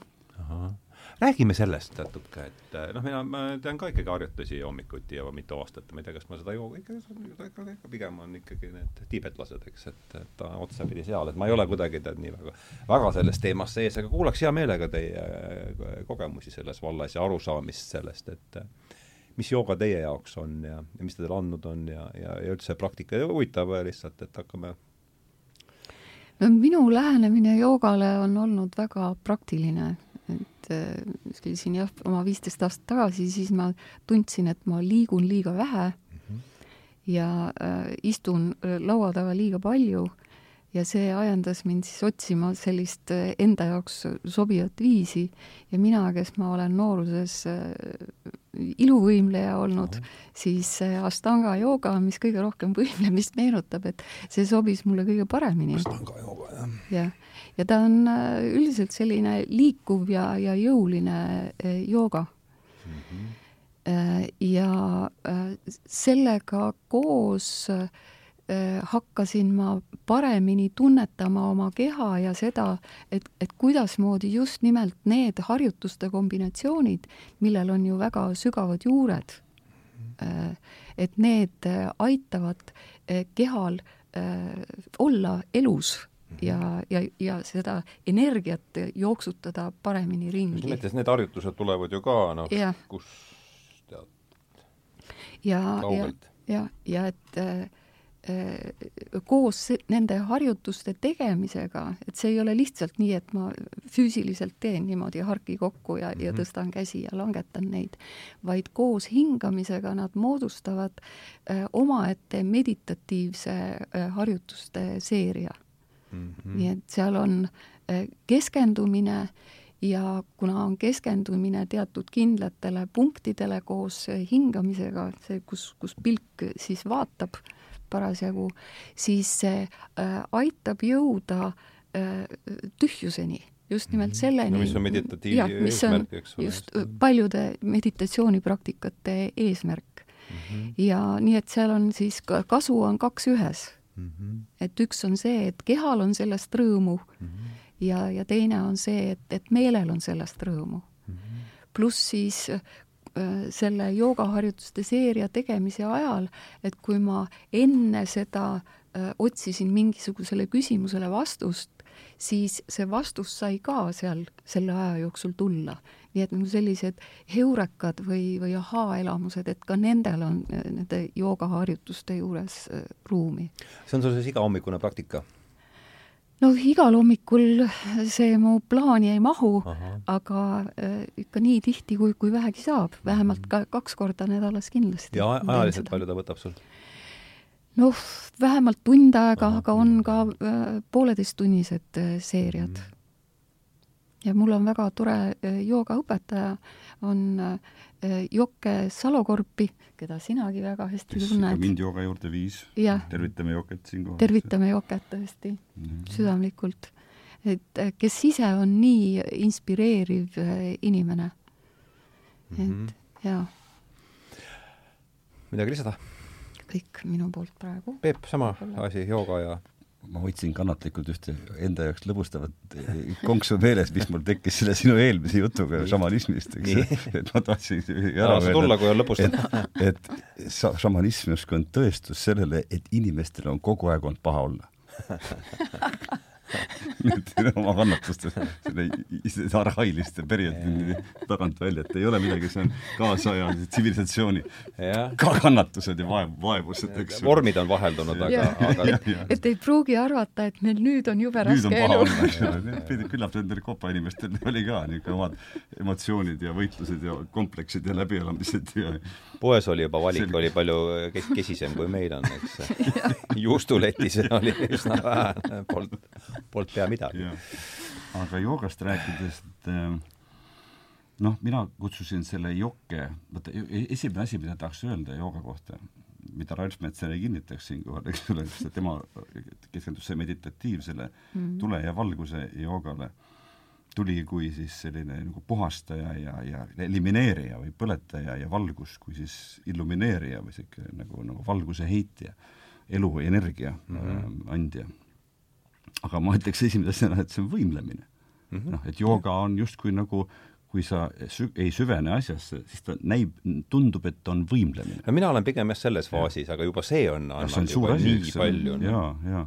et, et siis, kui ma eh, vaata, tegin neid suurema mastaabilisi koolitusi, siis ma ähm, äh, mõtlesin, et inimesel oleks hea lasta koolitus, pika koolituspäeva vältel liigutada mm, -hmm. aga ma ei tahtnud ise olla see cheerleader või või võimlemistreener ja ma kutsusin sellesama Jokke Aha. endale koolitustele, siis ta kolm korda päevas või neli korda päevas üks kümme minutit äh, tegi rahvale sellised äh, jooga ja body balance ja selliseid koreograafilisi, erakordselt ilusa muusikaga ilusaid selliseid nagu füüsilisi nagu istumise vaheldusi mm. -hmm. ja siis äh, ma tundsin ka huvi tema ja tema tegemiste vastu ja mul läks siis mingi poolteist aastat aega, kuni ma trenni jõudsin ja siis, kui ma sinna trenni jõudsin, siis noh, väikeste vahedega sellest ajast olen ma nagu nii-öelda võimlema jäänud. aga siinkohal ma veel ähm, väga tervitasin ütle aasta veel see oli siis? kaks tuhat, äkki ma pakuks, et kuus või? nii et sealt alates oled ikkagi regulaarselt ja, ja, ja, ja siis teine minu oluline joogaõpetaja on üks, üks, üks eesti mees, kelle nimi on Ivo Raenok. ja, ja seal Impulss spordiklubis sattusin tema joogatundidesse kaks korda nädalas. Ivo Raenok üks, üks minust kümme aastat vanem mees ja, ja, ja Ivo kasutab ka terminit võimlemine, aga tema kogu see olemus, enda presence ja siis meditatsioonid ette ja järgi ja temaga ühes toas olemine tegi täpselt seda, mida Marina ütles, et, et, et see nagu tühjendas sinu sellise teadvuse äh, ja pluss on rõõmu, äh, mulle meeldis väga see, et on rõõmu nii kehale kui meelele, et see, see mhm. rõõmu aspekt on ikkagi väga oluline. jah, ja siis, kui võtta nüüd keeleline nüanss, et, et see jui sõna sanskriti keelest, et, et millest jooga on tulnud, sealt on no,, inglise keeles on see yoke või ike, eks ole, sihuke eesti keeles on, mis selle nimi ongi, see, mille, mida sa vead, eks, mis, mis, mis, mis sind seob, seob mm -hmm. nagu ärga ja vankrit. ta on, on, ongi Ike vist ikka või? vist on jah, ja siis või, või union. härja Ike. jah -hmm., et seesama, see sõna union inglise keeles tuleb ka sellest samast mm -hmm. tüvest, eks ole. ja ta justkui seda jooga põhiline selline võimlemise ülene või transpersonaalne selgitus on ikkagi just see, et sa saad oma selle vaimsema, vaimse olemusega või hingelise olemusega, oma hingega, ütleme siis maakeeli mm, -hmm. kontakti saamine, ühenduse loomine. -hmm. et, et sa ei lase oma mentaalsusel, oma mõtetel sind domineerida et sa hoolitsed oma füüsilise keha eest niivõrd hästi, et see sind, et see sulle mõttetuid kannatusi ei põhjusta mm. -hmm. ja siis sul tekibki selline see tühjuse potentsiaal. et mul on samamoodi joogatunni ajal olnud, et, et kiusatust ja ma olen sellele allunud, võtta telefon ja panna mingisuguseid selliseid nagu heuraka momente kirja mm -hmm. ja siis, kui see tund või tund ja veerand läbi saab ja sa oled seal selles laiba asendis siruli maas mm, -hmm. siis see on kui sa oled seda nagu hingega kaasa teinud ja sul on hea juhendaja olnud ees mm, -hmm. nagu minu, minu puhul see Ivo oli, eks ole mm, -hmm siis sa oled ikkagi väga, vägagi nagu kõrgendatud, noh mm -hmm., Eesti kõrgendatud meeleolust kõlab Nõukogude lingvas nagu juua täis, eks ole, sa oled nagu sellises nagu kõrgend-, nagu kõrgendatud teadvusseisund. nojah, ikkagi teine teadvusseisund jälle, mis on, eks ole, hingamine, liikumine no, täiesti ja see on see, millele, mida millele see tegelikult kõik nagu suunab, et ja see ei ole eesmärk, vaid see on ka vahend eks ole. nii et see, see on minu niisugune lühikene, lühikene nagu take või kokkuvõte sellest mm. -hmm ja no mis kommentaariks veel, mida joogaõpetajad ise ütlevad, et äh, ainult keha arendamisega ei saagi äh, joogiks, et mm -hmm kehal tulevad mingisugused piirid ette, et teatud asendeid ei ole võimalik enne mm -hmm. üldse võtta, kui see psühholoogiline eh, probleem on ära lahendatud inimese jaoks. -hmm. kõlab väga, nii palju on nende asjadega tegeletud küll, et see kõlab väga loogiliselt. no igati loogiliselt ja, ja. ja et meie psüühika hoiab meie keha vangis mm. -hmm ehk seesama, see holistlik, et see on ikkagi tervik, millest me siin just. äh,, jah. ja, ja, ja juba nüüd on juba kellegi kujutlusvõime, kui kaugele kellegi kujutlusvõime võtab, et mis see tervik siis nüüd täpselt on, eks. Mm. -hmm. ma võtaks veel sammu tagasi, et, et, et võtaks sellest, et joogal on ju kaheksaosaline tee, eks ole, mis on see kannatustest vabanemise budistlik lähenemine. Ja seal see võimlemine on ainult üks osa sellest, eks, et, et sellest teine osa on hingamine hingamisharjutused, mille kohta Alan Watts kelmikalt ütles, et they can get you nice and high also. Ja ma olen kogenud seda ise, kuidas sa seda pranajaamat tehes, üks seal jokke juures, üks niisugune kahekümne minutiline osa sellest, et see, see ainuüksi hingamine, teadlik hingamine mu-, muun-, muundab teadvust. no Krohvi see holotroopne hindamine oli meie ju üheksakümne neljanda saate üks, vähemasti üks põhiteemasid, eks no ta ju noh, ilma igasuguse kahtluseta seal ainult hingamise ja muusikaga lennutatakse siin maalähedasele. ja ma tunnistan veel täitsa maistel tasanditel eilset hommikut, kus ma lebasin ärgates voodi peale, ma kogesin sellist nagu hingamispeetust ja siis ma hakkasin nagu lihtsalt ärgates nagu teadlikult hingama ja pärast läksin mati peale, tegin natukene üks, üks pool tundi joogat ja, ja just jällegi taasavastasin selle, et, et kui sa seda hingamist võimlemise juurde teadlikult rakendad, siis see niivõrd palju noh, ka mhm. füsioloogiliselt rikastab su nagu kehalist seisundit, aga, aga tegelikult ka seda vaimset seisundit mm. -hmm. aga ütleme, kas see, no see on hoopis teine teema ja, ärme sellesse kinni kiilu, aga aga et ähm, kas ähm, hingamisel üldse mingid põhi, põhi sellised äh, võib-olla kaks-kolm, kolm põhiprintsiipi, et mida noh, oleks, mida siin saaks üldse niimoodi kokku võtta kuul-, end-, eelkõige enda jaoks ja ja võib-olla ka kuulajate jaoks, et, et noh, loomulikult me ei jõua siin hakata mingeid harjutusi tegema, selle jaoks on teised kohad, aga aga et noh, printsiibi tasandil võib-olla, et mis teil sellest hingamis, hingamise poole pealt on nagu jäänud oma kogemuse võrral, kogemuse baasil? ja tehes hingamisharjutusi äh, koolitajana Aha. ja vahetevahel tuleb neid ka teha, siis äh, selgub, et äh, inimesi on hingamise mõttes, ka sisse- ja väljahingamise mõttes, on erinevaid mm. -hmm ja siin oleneb sellest hingamise pikkusest et mm, -hmm. et kui inimesed mõttes loevad, ütleme, et loevad viieni sissehingamisel ja viieni väljahingamisel, siis mõni avastab õige pea, et, et kus kohas tal raskem on. Et kas sissehingamisel on raskem või, või väljahingamisel on raskem mm. -hmm.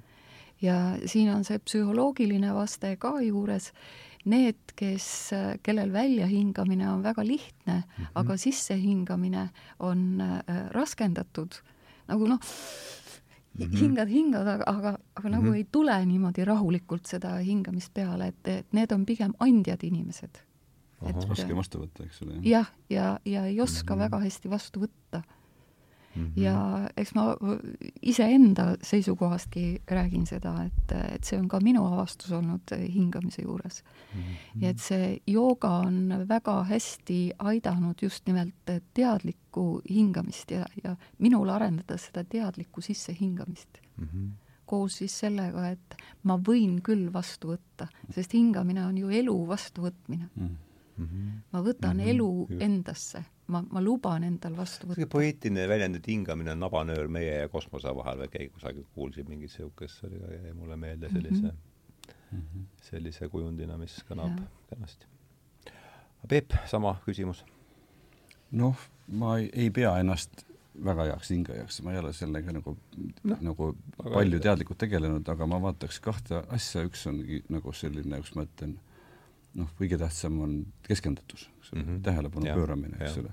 et kui juba öelda, et ma nüüd kas või ütleks, istun minuti ja ma ei tea, vahin taevast või panen silmad kinni ja ma jälgin ainult hingamise, kat-, püüan jälgida ainult hingamise protsessi, et sellel juba on nagu niisugune mm -hmm. rahustav ja tervendav mõju, eks ole mm. -hmm. ja siis tuleb juurde ikkagi see tempo ja sügavus, eks ole, et, et, et ma aeg-ajalt märkan just, et sellises nagu äh, tavapäeva võib-olla kiiremas tempos sellist nagu peetust, eks ole, nagu kokkusurutust, eks, et, et ja hingamine omakorda, siis kui ma võtan selle väikse minuti mm -hmm. või viis, eks ole, tekitab sellist äh, noh, nagu torso avanemist mm -hmm. ja, ja, ja üla ja ala kopsuga hingamist ja mm, -hmm. ja just nagu süven-, keskendatud, rahulik, sest see on lihtsalt, ütleme nagu äh, kui me saime, täna oli, tulime siia, ütles, et keegi ütles, et, et antidepressandid on nagu äh, poest otsas, eks ole. see oli täna mingi uudis olnud. tänane uudis.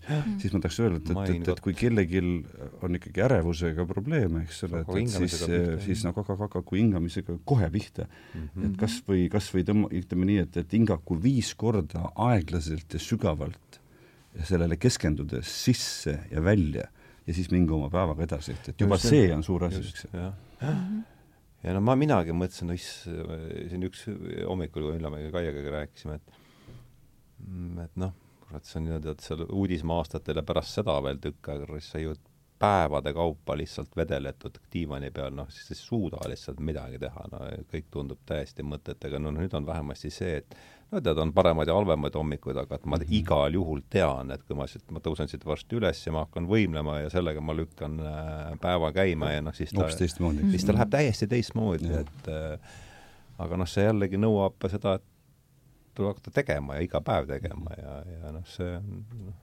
jah, mulle kui eh, endisele kapikurule eneseabi vallas, eks ole et aga ma tahaks öelda, et, et see Lovely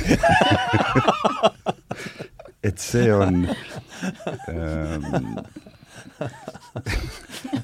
et, eneseabi on erakordselt ilus termin. kuradi, kui sa pumpa oma komm ise täis rattal, ära helista isale, eks ole. et, et kui sul nii-öelda on, nagu ma olen avastanud painutused ja venitused, kuna mul oli selja, seljatrauma kolm aastat tagasi, et siis on niisugune kavalihas nagu psoaas, mida sa eriti ise mõjutada ei saa siin Vaagnalo piirkonnas, eks ole mm. -hmm. ja siis, ja siis mul tõmbab nagu küljed nagu kangeks alaseljas, eks ole. ja mulle see psühhoteraap-, füsioterapeut Indrek Tustit, minu erakordselt oh, suur abimees, eks ole õpetas asja, kus siis nagu ühe teatud painutusega nelikümmend viis pluss nelikümmend viis sekundit ma saan selle probleemi ise ära likvideerida, ma ei pea kuskile helistama, nutma kellelegi, raha maksma, kohale sõitma, et ma saan ennast ise aidata. Ja samamoodi mhm. saab ka hingamisega, võimlemisega, keha sirutamisega ise ennast aidata, et see, et noh, tahaks öelda, et, et hakakem kõik iseennast aitama, eks ole. -hmm. nii nagu oskame ja nii nagu saab. päevauudistest öeldakse sulle vastu, et ära seda tee, sest sul pole ekspertiisi enda aitamisega. see on see argument ju tegelikult, millega aga miks ma seda rääkima hakkasin, seesama rahu, rahunemine või stress või ma praegu selles nagu, selles äh, väga ei tahagi sinna teemasse väga üldse, üldse otsast minnagi, selles hull, hull, hullunud maailma kontekstis, eks ole, igaüks aidaku ennast ise kõigepealt, eks ole, mitte ärgu lootku Jüri Ratase või, või valitsuse või WHO või ma ei tea, mille ravimifirmade peale, eks ole. no tegelikult tahaks niimoodi öelda, eks ole, kas või peatu ja ei tea,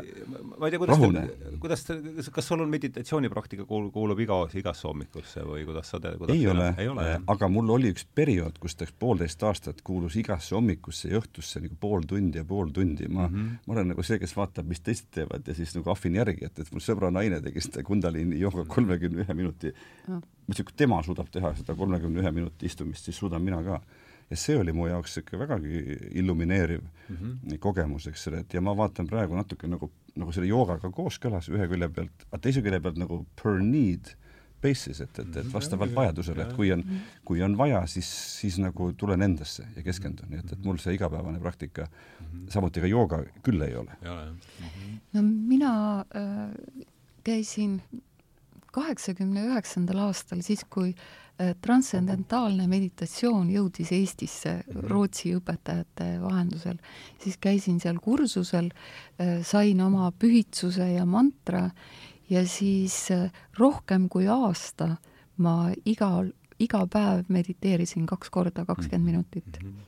just nimelt tegin seda transcendentaalset meditatsiooni mm. -hmm. ja see mu tolle aja kogemus äh, Äh, oli küll väga hea, et see äh, aitas mul olla keskendunud ja, ja mm -hmm. eriti see õhtune meditatsioon peale töölt koju tulekut, et see aitas mul puhata mm. -hmm.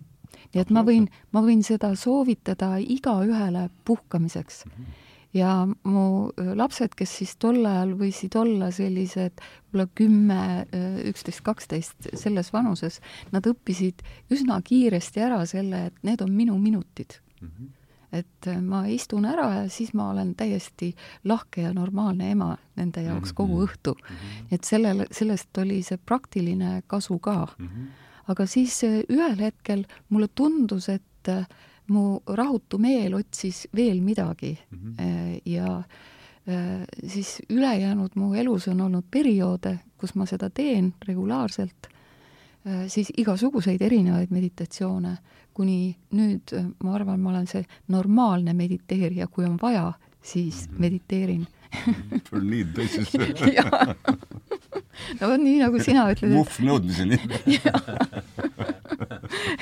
et, et kui on vaja kumm täis pumbata ja, või, või, või kui on vaja mingile ideele äh, täiendust või, või lahendust, mingi, mingisugune loominguline ülesanne on, et siis see mediteerimine on äh, väga kasulik. mina kohe tahaks selle pealt öelda, et, et see just, mis ma ütlesin ka joogatunni ajal, aga sellises vaikuses istumine, vaata, et noh, see minu, minu arvates selline standard et, tuletis on sellest, et, et, et see on püüdlus äh, oma meelt, eks ole, vaigistada ja tühjendada, mis ju ei ole vale minu arvates ka, aga aga ma tahaks öelda, et, et, kui ma seda, seda kolmekümne ühe minuti istumisi tegin, siis üks kümme minutit käis ikkagi niisugune metsik sõda alguses.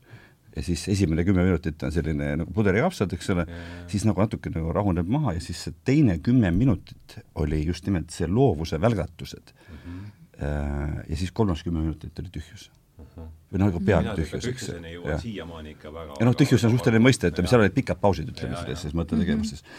ja pikad, ma mõtlen, paarkümmend sekundit mm. -hmm. et, et selles mõttes ja siis ikkagi tuleb mingisugune, ma vaatan, ma, mulle meeldib vaadata mõtteid kui neid pilvi, mis ja, tulevad ja lähevad, eks ole.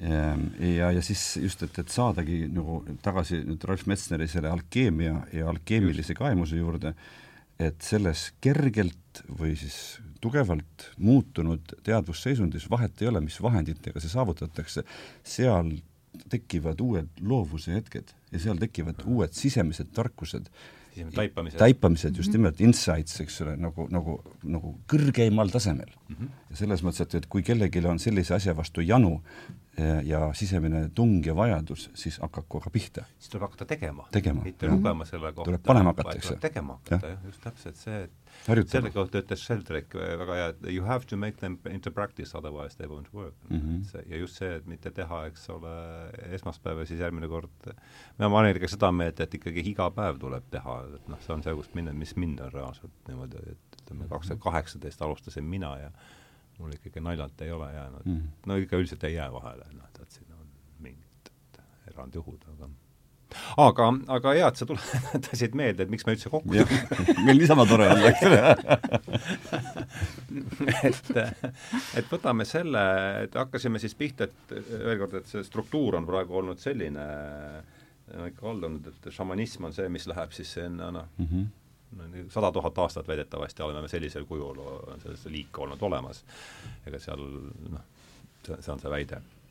aga et see läheb sinna poolahvilisse minevikku tagasi ja eks sealt tuleb ju kõik see eelahviline minevik ju veel ka kuidagi kaasa, eks. aga et ja siin on ta nüüd siis läinud kaheks, et jooga see ida pool ja sellest me oleme rääkinud, aga raamat, mis meid on täna kokku toonud, on siis Alkeemiline kaemus ja, ja selle autor Ralf Metsner. ja, ja et alkeemia, et siis läänes on võetud see šamanist, šamanismist tulev aru alkeemiaga ja see alkeemia kuju, et see on mm -hmm. nüüd juba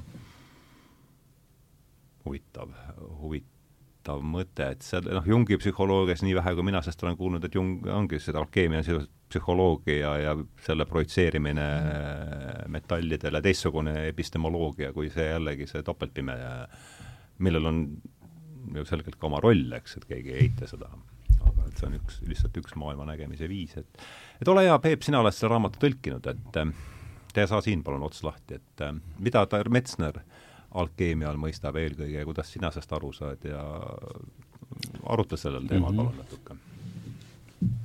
selleks peab natukene ajalukku minema, et jaa, aga teeme seda nüüd.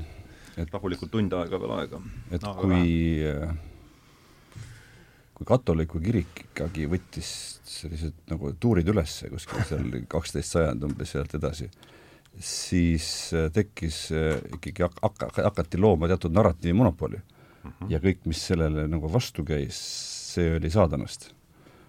kuni sinnamaani, et, et paneme põlema. Ehm, ja, ja noh, see nõidade põletamine, see on ju kõige enam teada protseduur, eks ole, sellest te olete siin saates ka rääkinud, eks ole no sellega aga... tegelesid nii katoliiklased kui protestandid üksteise võidu. üksteise võidu, jah. ja siis, ja siis nagu Ralf rääkis sellest umbes niimoodi, et et kuna see tegevus, see nii-öelda šamanistlik tegevus, mis siis ütleme, teatud laiuskraadidel, kus ei kasvanud äh, peyote kaktust, eks ole, ja neid Amazonase väetaimi, mis siis olid sellised äh, noh, lihtsad ütleme, ütleme lihtsamad ja tugevamad teadvuse avardamise ja vahendid ja, ja vaimuilmaga suhtlemise vahendid. see on nüüd Metsneri argument? jaa, ja uh -huh. siis, ja siis seal, seal hakati kasutama trumme mm -hmm. šamanist, šamaan see, see põhjašamaanid kasutavad trumme, sest et seal mm -hmm. lume alt nad neid psühhedeelset seeni välja ei, ei koogi, eks ole, ja kaktuseid ei ole ja siis, ja siis ühel hetkel hakkas, hakkas tunduma, et, et trumm, trummi löömine, selle võib osutuda ohtlikuks mm. -hmm. või inkvisiitori härrad käisid mööda küla vahel ringi ja vaatasid, kust kostab trummipõrinat. sealt saab mõne selle nõia või šamaani jälle nagu sinna vardasse panna, eks ole. ja siis äh, mõeldi, et, et mis me nüüd teeme umbes ja siis sealt, ja siis öeldi, et kuule äh,, mängime, et meil on keemiatund, meil on keemia-füüsikalabor mm -hmm. ja ütleme endale, et kuradi lollidele, et me, me teeme, et meil on nagu selline nagu ka väike käsi, käsitöökoda, eks ole, et mm, -hmm. et mhm. me püüame seatinast kulda meisterdada mm. -hmm. ütleme seda neile, on ju, aga ise teeme oma salatoiminguid edasi ja siis nagu ah, see on nüüd veel, kuidas metsa ja, ja, ja, ja, ja ma arvan, ma ei, mul pole põhjust arvata, et ja, see nii ei olnud. igatahes huvitav, äh, huvitav äh, lugu. jah, ja siis al-, alkeemikud, äh, eks ole, tema ja, ja ka Jungi sõnul, eks ole, hilisemast kõige tema elu lõpp, Jungi elu lõpufaasis, eks ole, olid terapeudid, olid mm -hmm. need, kes just ütlesid, et, et, et mis meie sisimas toimub, mis meid ei rahulda, mis ei toimi, kuidas saaks seda muuta yeah.. ja, ja punkt üks, Descartesi eelsel ajal, eks ole, sisemine välimus ei olnud üldse nii äh, lahus, nii lahus, eks see on väga oluline. panpsühhistlik äh, see, noh, tol ajal see panpsühhist mm -hmm. oli sellest animistlik niisugune. et kõik see välimine ja, ja sisemine oli palju kuidagi piir oli märksa et, et seda, seda, seda ma nüüd ei tea, kas see, kas see, nende selline keemilised Äh, protsessid oli, oli puhas suitsukate või mitte, ma arvan, seal võib olla ka hulle, kes püüdsid päriselt seda nagu ära moondada mm -hmm. metalle, mis, mis ei ole ka patu asi, alles moondavad, kui tahavad, eks ole. aga see, see, see alumine, see allhoovus, eks ole, ja kõik see, kogu see varjatud kõnekeel ja lingo ja kõnepruuk ja praktikad, mis surutigi nagu jõuliselt maa alla, justkui no nii üle, otseses kui ülekantud tähenduses, oli ikkagi see, et, et kuidasmoodi saada äh, tervendust, eks ole, kuidasmoodi saada kontakti endaga, oma psüühika äh, varjatud osadega, eks ole, kõrgemate jõududega mm. -hmm. nii et, et, et ja kuidas ikkagi ilmselt materjal oma tahe peale suruda, et ikkagi see või, või vähemalt, vähemalt dialoogis olla, eks. ja vähemasti dialoogis olla, jah. et, et siis võiks öelda, et alkeemia oli oli teatud mõttes nagu niisugune nagu põland, põrandaalune, võiks öelda ka religioon mõnes mõttes ju mm. -hmm. või noh, vähemalt niisugune, niisugune psühhoteraapia, nagu täna Marinaga me oleme rääkinud, kuidas niimoodi riik otsustab, missugune psühhoteraapia, kas see on loodusteraapia või mingi asi, on lubatud ja missugune on keelatud. No see on täpselt sama nagu keskajaga ja see, millest sa just rääkisid, et ja, äh, on ju täiesti et seal, vot seda, seda, seda trummiga asja ja seda, seda šamaani asja ei tohi teha, aga kirikusse võib minna. Või peab minema, eks, ja samamoodi kõrv valutab, siis tule eksperdi juurde ja ära mõtle. ära, ära tee eneseabiraamatute lugemisega ära mõtle edasi. noh, sellest sul on, osade asjadega tuleb lihtsalt minna ka, eks ahaa, see, aga äh, Marina, ole hea, sama, sama küsimus. Äh,, ei Peebule midagi lisada, kuidas sina seda sealt, sellest, seda sa alkeemilist kaemust ei ole lugenud, et kuidas sina sellest aru saad, see on see? no alkeemiast ma saan küll aru. räägi see, palun oma arusaamast sel,. Sel, sellest on küll arusaam ja üsna samasugune, nii nagu Peep siin rääkis seda mm., et et see on ähm, inimese, alkeemiku töö omaenda teadvusega. et omaenda teadvuse ruumi ja, ja teadlikkuse avardamine. -hmm. ehk siis iseenda kvaliteedi parandamine, mis, mis lõpp, lõppkokkuvõttes võikski olla kulla ekvivalent äh, Just. inimeses. sisemise kulla ülesnäitmine. see tarkade kivi, võiks ju öelda, oli noh, idamaa meeste keeles valgustamine, eks. jah, jah, just nii et eh, jah, minu arusaamine, kuna ma olen eh, noh, Jungiga kõige enam tuttav ja, ja Jungi mõtetega, et siis on see alkeemiline protsess just nimelt saada terviklikuks minaks. Mm. -hmm, just. sest Jung ei käsitlenud transpersonaalset mina. Krohv on pigem see, kes on meil transpersonaalse esimene, eks ole, keda me mm -hmm et noh, selle transpersonaalse äh, selle inimese teadvusruumiga just nimelt äh, jooga ja, ja šamanism on kõige rohkem tegelenud. Mm. -hmm aga et, et Jungi see terviklik mina, kus keha, meel ja hing teevad omavahel koostööd, et, et see on just äh, nüüd siis see kulda väärt mhm, terviklik, mhm. terviklik isiksus, kes mm -hmm Äh, seal realiseerib oma äh, potentsiaali elus, ühesõnaga mhm. teostab iseennast, kuulates oma hinge, oma hinge sõnumeid, äh, sest ku-, kuidas me muidu teada saaksime, missugune see sügavam potentsiaal siis meil võiks olla mm. -hmm et ainult raamatuid lugedes või, või õppides me mitte kuidagimoodi seda ju teada ei saa mm. -hmm siis me saame ainult teada, et mis toob rohkem sisse, kus, milliselt elukutselt rohkem palka saab, aga mille jaoks inimene ise kõige paremini sobib, mis temale toob seda rõõmu ja, ja rahuldust elus. Mhm. Et äh, seda me saame ikka, olles oma hingega ühenduses see on mulle see üks, üks Sheldrake'i lause, mis mulle väga meeldib, on see, et, et noh, seesama ikka, et see Buda ei kirgastunud doktoriõpingute käigus, et seal tuleb tuleb ikka midagi. vedeles puu all. istus selg sirgu, eks. ja just nimelt istus selg sirgu. mitte ei vedelenud. mitte ei vedelenud, jah. ei vaadanud telefoni, eks ju. küürus seljaga. ja väga, jällegi niisugune väga ühte lausesse väga palju asju kokku võetud minu arust. aga tuleme siis ikkagi nüüd päevakangele, et me oleme, mulle meeldis see selline jutt, jutt läks nagu siia-sinna, aga et see, see kolmik šamanism, jooga, alkeemia on nüüd siis enam-vähem, oletame, et see on nüüd läbi käidud, meil on aega siin umbes tunnikest pool, et et äh, räägime siis Metsneri alkeemilistest äh, katsetustest, kuidas ta tema seda mis ta siis, äh, kuidas ta seda tegi? no katsuks siis kergelt lihtsustada ja taandada, eks ole, nii palju kui saab, eks ole, et, et see ähm, seesama raamatu pealkiri, mis ma tõlkisin, alkeemiline kaemus inglise keeles oli alchemical divination, divination. ja divination tähendab siis äh, ehk siis see divinatsioon, kui panna mm -hmm. kaemus on hea vaste. et see on siis äh, tarkuse ammutamine äh, jumalikest allikatest mm, -hmm. from divine sources, sellest see -hmm. see sõna tüvest tuleb yeah., see divinatsioon. ja, ja Metsner ütles väga selgelt, et, et äh, ei ole justkui suuremat jumalat kui sa ise. noh, seda küll, see on nüüd minu, minu tuletis, eks ole mm. -hmm. et küllap ta ütleks, et seal on veel et palju muid kihte veel, eks ole, kui ta oleks praegu elus ja siin, eks ole. aga tema äh, selline mm, soovitus oli ikkagi noh, tema õpetus ja praktika kokku võtta, siis sellisest kergelt või rohkem kui kergelt niisugust avardunud teadvusseisundis sa ähm, noh, kas siis ise või, või, või grupiviisiliselt, eks ole, teatud keskkonnas teatud nagu rituaalse protsessi läbi äh, esitad enda jaoks praeguses ajahetkes kõige tähtsamaid küsimusi.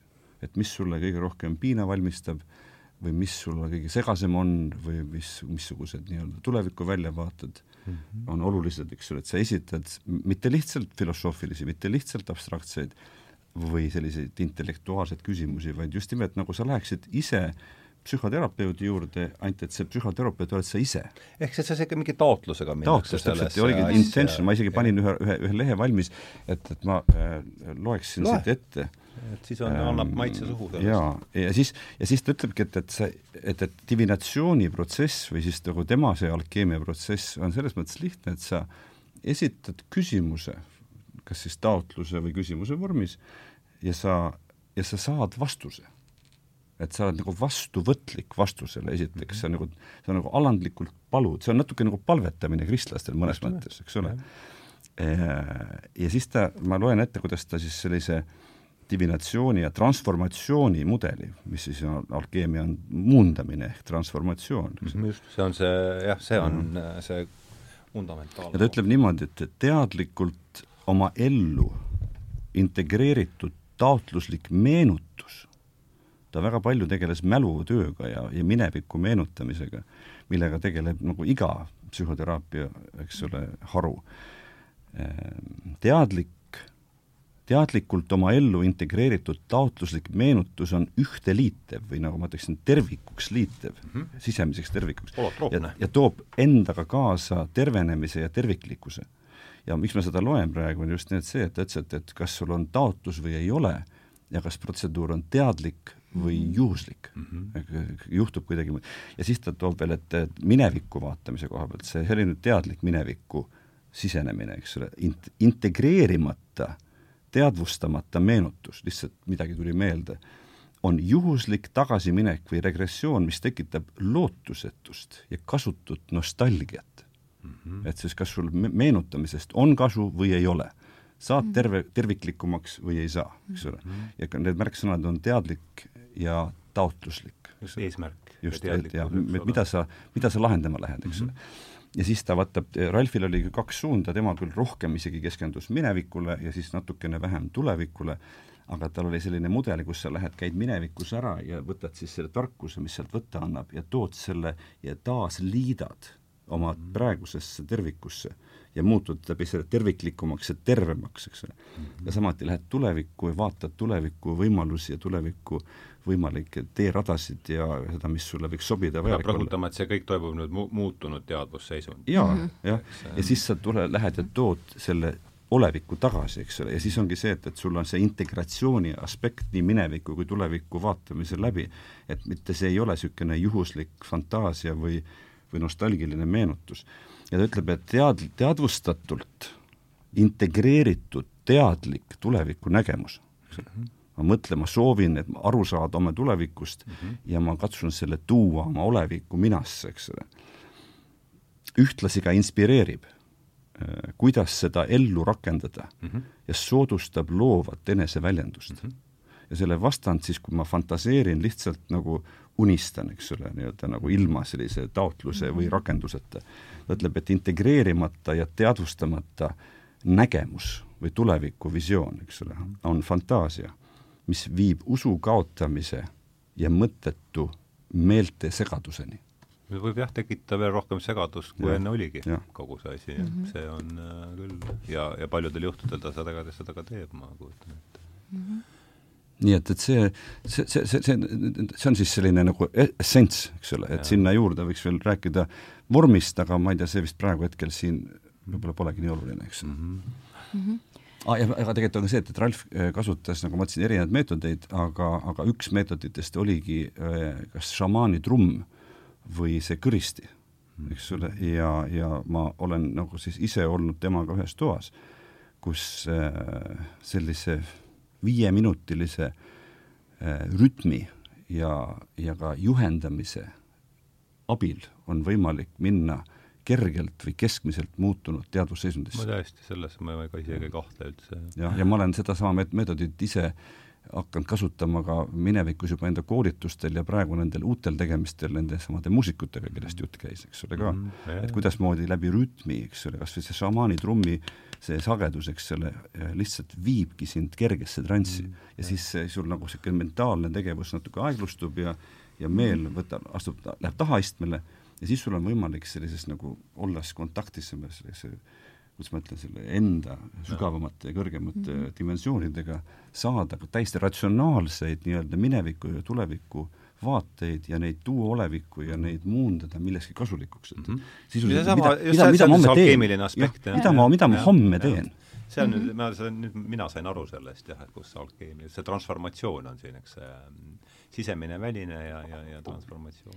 tahad sa lisada midagi? ei, sellest aitäh no mulle on see vägagi arusaadav, kõik see, mis sa siin ette lugesid ja, ja juurde kommenteerisid, sest äh, töö inimestega, kes on muutunud teadvusseisundis, et see on mu igapäevane töö mm. -hmm. et äh, osa holistilisest regressiooniteraapiast ongi holistiline rännak ja äh, kus siis äh, inimene mõnusalt pikutab kusseti peal, paneb silmad kinni, ruum on hämar ja äh, sellise enda hingamisele keskendumisega ja lõõgastusega ja, ja muidugi terapeudi abiga siis ta jõuab sellesse meditatiivsesse seisundisse, kus toimub see, mida ka Metsner kirjeldab, et see et teadvus avardub mm. -hmm ehk siis äh, selles avardunud seisundis äh, toimub äh, tohutult suur muutus just nimelt selles osas, et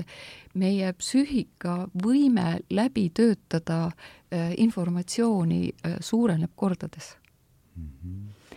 ja, ja tänu sellele läbitöötamise võime suurend-, suurenemisele on meil võimalik seal kogeda selliseid asju, mida me igapäevases elus muidu suurest hirmust väldime mm. -hmm. mis tundub meil pole ka isegi aimu, mida ja. üldse on võimalik kogeda, eks, mhm. selles et, et mis muidu võivad tunduda olevat sellised hirmutavad, aga et, et see seisund ise võimaldab äh, kogemuste palju paremat äh, läbitöötamist mm. -hmm. ja üks oluline asi on siin veel, et selles avardunud teadvusseisundis Äh, see piir, mis jääb äh, teadvuse ja alateadvuse vahele, et see läheb õhemaks mm. -hmm ühesõnaga need äh, elamused, kogemused, emotsioonid, mis me oleme ära pannud mhm. alateadvusesse, et need saavad siis esile tulla mm. -hmm. ja mitte lihtsalt esile tulla, vaid et selles avardunud teadvusseisundis on väga suur potentsiaal läbitöötamiseks mm. -hmm aga see läbitöötamine ei toimu ju ka iseenesest. no selles teraapiaprotsessis on ju terapeut kõrval, kes inimest siis juhendab selle ja, läbitöötamise just. juures ja ja, ja noh, nii nagu ma aru saan sellest Metsneri protsessist, et siis seal toimub see ka taotlusega ja, ja juhendamisega mm. -hmm et see ei ole lihtsalt, äh, lihtsalt niisama pilt, piltide, piltide ja, vaatamine. turvaline keskkond on no,, eks ole. jaa, ju-, just nimelt, et sellest Metsner kirjutab ka siin selles raamatus, et äh, see, kui inimesel on hirm ja, ja ei ole keskkond, kus ta inimesi usaldaks, et äh, sel puhul äh, see võivad võib olla päris ja, äh, kole sõit olla sealt, jah. Mhm. jah, et, et kui, kui kasu, juhul, kui kasutatakse selliseid teadvust avardavaid aineid mm, -hmm. et see, see võib olla niisugune tõeline õnnetu kogemus jah, seda ütleb Krohv ühe nendest, Krohvist on küll omaette playlist, ega meie kanalil, seal on ka need kolm videot, aga ta ütleb just jah, et kujuta ette, ütleme mingi reibil laetakse siis sisse ninast ja mhm. suust, mis seal ninast suust sisse mahub ja, ja võib politsei ka iga, iga hetk tulla, et, et on väga väga vähe tõenäoline, et põlendi kuubikuid ei mahu. et on väga vähe tõenäoline, et seal mingeid imepäraseid tervenemisi aset leiaks, eks, sellises, sellises, sellises olukorras, et ähm, aga jah mulle, äh, ja ma tahtsin täiendada seda ikkagi, seda juttu, et, et, et see, mis ma ennem ütlesin, oli puhas ikkagi nagu sisuline nagu see essents, aga nüüd nagu me-, meetodist ka, eks ole mm -hmm., sest et, et -hmm. mis oli Ralf Metsneri meetod, noh, et, et, et ütleks, et kõik saaksid nagu aru, kes kuulavad. Äh, ma arvan, kõik on kursis sellise terminiga nagu juhendatud meditatsioon mm. -hmm. ja, ikka. ja sisuliselt onu või tädi räägib midagi, eks ole, ja siis sul on silmad kinni ja sa kuulad, et ja kuidagi nagu kujutad ette midagi teistmoodi mm -hmm.. seesama, mida Marina ennem mm -hmm. rääkis, see holistiline teraapia no, on, on ju yeah. tegelikult isiklik juhendatud meditatsioon ja seal Aha, nagu yeah. Marina ja tema, tema eh, terapeudid oma selle ametioskustega oskavad siis mm -hmm. mitte, et, et tal on mingi oma story, mille ta peab ette vuristama sellele vaesele patsiendile seal diivani peal, kes mm -hmm. ka mina olen olnud, eks ole, korduvalt, vaid ta võtab selle kuhu ja läheb sellega siis nagu kuhu vaja mm, -hmm. eks ole, läheb ja, ja jõuab siis välja mingi imeliste äh, taipamisteni, millest ja see viiakse ikka mingisse hämarasse, poolhämarasse seisundisse. ja, ja täpselt, täpselt, täpselt, no ja. ütleks, et selgelt, et see on meditatiivne seisund. no ma käisin see, ju ka seal, eks ole, aga mina ei olnud tolleks hetkeks, olin ikkagi veel nii kuradi puntras omadega, et ma ei jäänud äh... no jaa, et siin lugedes nüüd seda, seda Metsneri raamatut mm, -hmm. et ma mõtlesin küll selle peale, et ähm, kelle puhul siis nendest psühhedeelsetest äh, vahenditest võiks abi olla? et äh, võiks abi olla nendest, kes, kellel see ego kaitse on tohutult tugev mm, -hmm. et kus selle, selle tavalise lõõgastuse ja meditatsiooniga ei tee nagu mm -hmm. midagi ära. ja tundlikkusaste on suhteliselt madal, jah, just mm, -hmm. et, äh, et siis põmbjad. jah, mhm. võiks no., võiks sellest küll võiks abi olla. Recovering tundjad ikka väga kõva piljardikuulne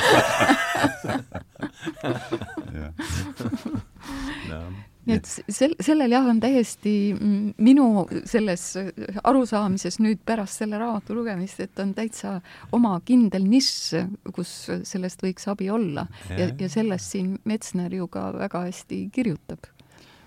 ja mul jäi pooleli, et, et ja siis tuleb see, et mida Ralf tegi et, et, et väiksemas, suuremas grupis, eks ole, äh, kas ainult trummi ja kõristiga või siis mitte ainult mm -hmm. trummi ja kõristiga. Äh, seal riikides, kus tohtis, kus seadus mhm. lubas, eks ole, et äh, sisuliselt on tegemist siis grupiprotsessiga, kus siis iga osaleja ütleb oma taotluse teiste kuuldes välja mm -hmm. ja Ralf pani selle kõrva taha, eks ole, ja siis ta võttis ühe sellise mingi mudeli näiteks talle väga meeldis Põhjamaade mütoloogia mm, -hmm. ta võttis selle ilmapuu ja erinevad ilmad sellest ilmapuust mm, -hmm. ta võttis selle Tiibeti sünni- ja surmaratta kuus ilma, eks mütoloogilise raamistiku ikkagi mingi, eks ole. ja, ja, ja mitte, mitte ainult, eks ole, tal oli ka selliseid, rohkem nagu äh, tänapäevases jala, elus jalad maas lähenemisi mm, -hmm. aga talle nagu see, ja ta, ta võtab siis mingit, ta sisuliselt koostas pika või ka lühema, tal lühem oli kakskümmend minutit, eks ole mm. -hmm. meditatsiooni, kus ta siis justkui inspireeris või isegi sundis või suunas sind, osalejat, esitama mitte talle endale, vaid osalejale iseendale, neid mingeid lisaks osaleja enda taotlusele mingeid veel teisi küsimusi, nii et, et seal puudus see, nagu ma Marina protsessi puhul kirjeldasin seda isiklik paindlikku, äh, paindlikku äh, lähenemist, sest see,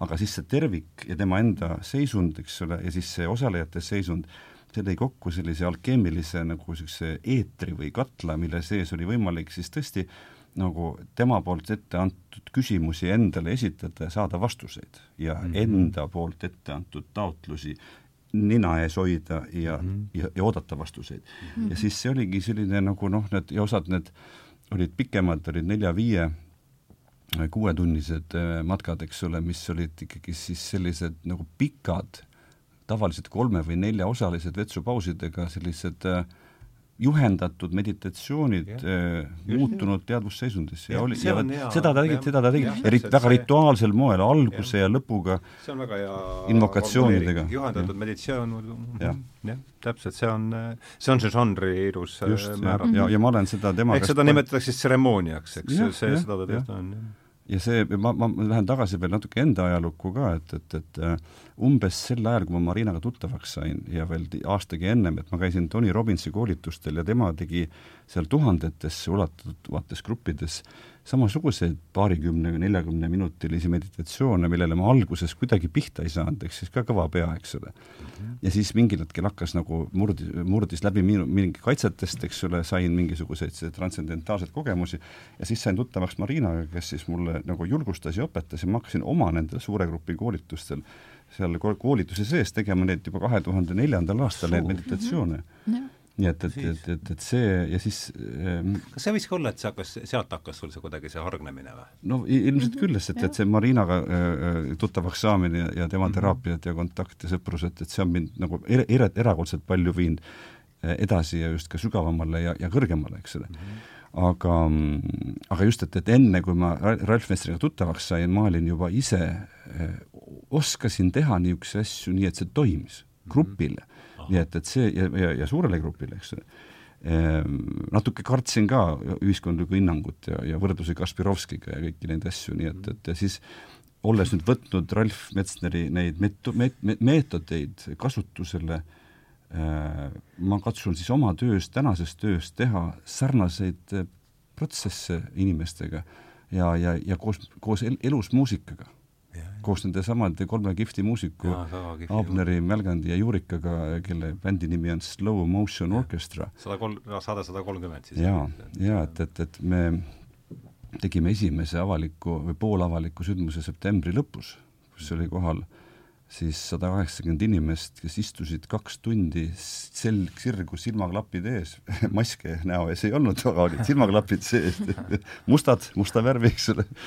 ja, ja ma tegin nendele mhm. sedasama Metsneri metoodikat äh, ja paljud ütlesid, et kaks tundi möödus kui pool, pool tundi. ma usun täiesti ja siis ma olen tagasi Metsneri juurde, mida ma tema käest olen saanud ja igaüks on siinkohal äh, iselaadne et, et, et äh, ma kuulasin ka tänaseks valmistudes ühte, ühte saadet, kus üks, üks teine mees temast rääkis ja asi, millest ta peale hakkas, oli kaks sõna, powerful presence mm. -hmm et ta tõi välja, et, et, et, et Ralf Metsneri puhul, nagu iga, iga õpetaja puhul ja vaimse õpetaja puhul, see tema enda niisugune olemuslik äh, võimsus mhm. või, või selle võimsuse puudumine on üks tööriist, eks ja seda, seda sa äh, identselt kopeerida ei suuda, eks ju, et, et tal on oma selline isiksuslik väli, mul on oma, sul on oma, Marinal on oma, et, et mm.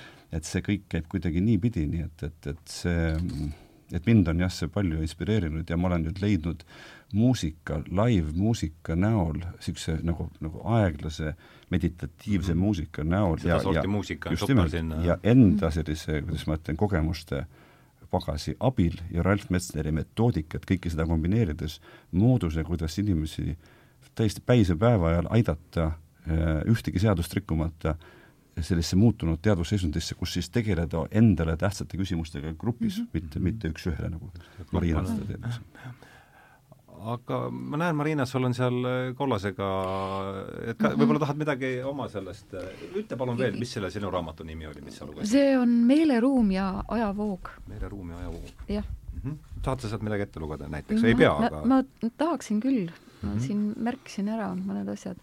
Äh, võib-olla, et mm, kuulajate jaoks kõige lihtsam mõista on äh, kahte terminit, üks on teadvuse avardumine, siin me ju kogu aeg räägime sellest avardunud seisundist, ja teine on teadvuse ahenemine mm. -hmm. et äh, inimesed oma teadvusega teevad ju mõlemaid.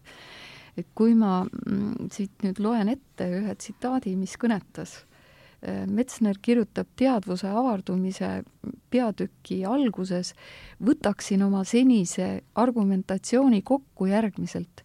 igal teadvusseisundil on kvalitatiivselt eristuv ja erinev meeleruum ning subjektiivne ajavoog.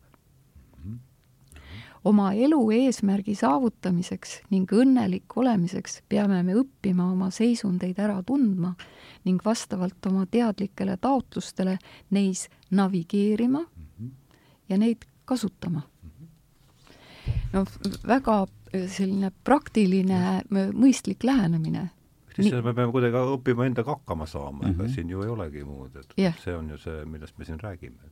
jaa ja, ja siin äh, just me räägime, rääkisin enne ka sellest avardunud seisundist, et, et mida meie psüühika suudab siis teha, kui me oleme selles avardunud seisundis ja selles avardunud seisundis ka meie ajataju muutub mm, -hmm. nii nagu sa ütlesid, et, et inimesed ei, ei tajunud, et kaks tundi läks mööda mm -hmm. ja nii, nii see on. ja ma hakkasin just mõtlema selle teadvuse ahenemine, et tead sa selle mängu, depressioon mm -hmm. on ju minu meelest kõige, just nimelt hirm ja noh, see on omavahel seotud tihti mm -hmm. väga tihedalt, eks tõmban ka füüsiliselt kokku. niisugune depressioon on ju kõige ehedam niisugune teaduse, see lihtsalt tõmbab kõik, maailm tõmbab kokku ainult mingist selliseks, kurat, ma ei tea, milleks. no see on ka üks, üks minu lemmikpeatükke siit eh, sellest Metsneri raamatust, kus ta räägib just teadmise, teadvuse ahenemisest ja, äh, ja eelkõige just ka depressioonist ja, ja sõltuvustest mm. -hmm ja äh, ta vaatab neid sõltuvusi ka väga laialt, mitte ainult äh, seal alkoholi või, või sigareti sõltuvus, vaid äh, ta vaatab ka töö tegemist kui sõltuvust mm. -hmm ja ka kompulsiivset mediteerimist, mhm. et need kõik on sellised seisundid, kus meie teadvus aheneb. see, see mhm. meie igapäevane meeleruum muutub väga kitsaks mm. -hmm. et kus, kus me keskendume väga palju mingisugusele ühele tegevusele, mis toob meile sellest ärevusest ja, ja mm -hmm, valust just. vabanemist mm. -hmm. ajutiselt. ajutiselt, just nimelt. ja, ja mida, äh, mida kauem äh, siis inimene sõltlane on, äh, seda enam ta vajab seda tröösti või, või siis seda omaenda vahendit.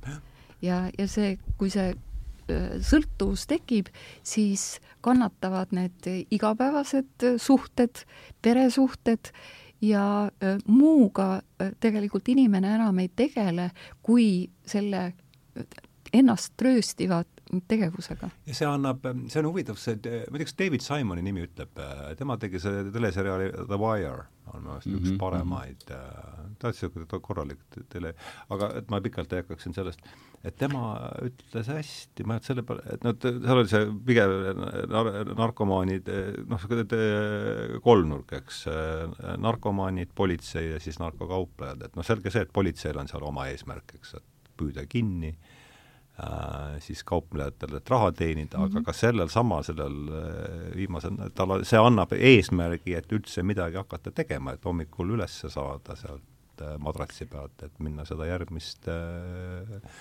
mm, -hmm. äh, aga vabandust, ma segasin vahele tsiteerin Metsnerit mm -hmm. ja mhm. ma olen temaga väga nõus, et sõltuvuskogemused on muutunud teadvusseisundi üks alamliike mm. -hmm.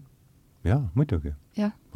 aga ma äh, varem ei osanud seda niimoodi mm -hmm. selgelt äh, sõnastatult ära defineerida, aga see on, talle, tal on kohe tuline äh, õigus mm. -hmm. minuga kõlab see väga kaasa. jah.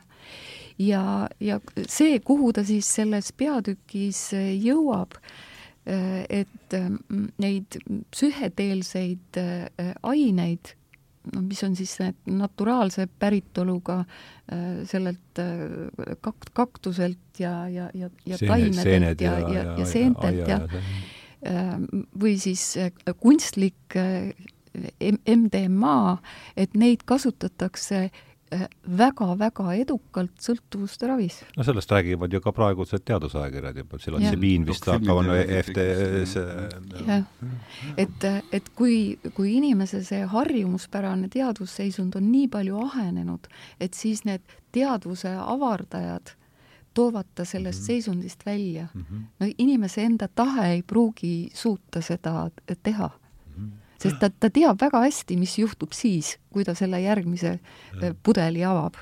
aga, aga see vajadus tröösti järgi on niivõrd suur et, et inimene ei suuda peatuda. alkohol on ju sisuliselt ikkagi kõige lihtsamini kättesaadav antidepressant meie, meie kultuuris, ma, noh, mina olen seda niimoodi võtnud, et alkohol on hard drug, eks ole. jaa, jaa, aga ta on alguses, töötab ikkagi, noh, räägin oma kogemusest, ta töötab ikkagi antidepressandina ikkagi väga edukalt. Tõstab korra tuju ja siis tõstab korra tuju ja siis muidugi pärast on jama kui palju. jah, ja mis on veel äh, sellises, üks hästi äh, noh, kuidas öelda, inimesi traumeeriv sümptom on, äh, sümptom on posttraumaatiline stress. ja see on MDMA-ga praegu tehtud, eks ole, just, jah, ja et äh, selle kohta ma olen näinud ka dokumentaalfilmi mm, -hmm. kuidas äh, Vietnami sõjaveteran, et ta tegi siis terapeudiga koos ühe seansi, kus ta siis manustas endale seda MDMA-d ja ta elu muutus täiesti Mhm. Et ta sai nendest oma kannatuste ringist, need, mis, mis teda kogu aeg piinasid ja, ja järjest-järjest meelde tule-, meelde tulid, et ta suutis need sellel avardunud seisundis, suutis läbi töötada mm. -hmm. et, et selles mõttes erakordne kasu võib sellest olla.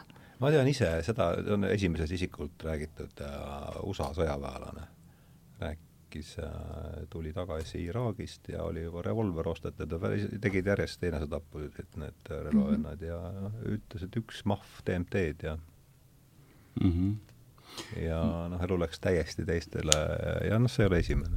mis see, mis see DMT DMT on siis aja, aja, ajavaska see, väga tugev väga tugev psühhedeelik. ajavaska üks komponent. ajavaska jah, see keemikute järgi see mm -hmm. mõju, mõjuaine sõltuvustest rääkides, ma lugesin CNN-ist eile uudist, et äh, Ameerikas on nagu erakordselt tõusnud ravimi üledoosides surmad mm. -hmm.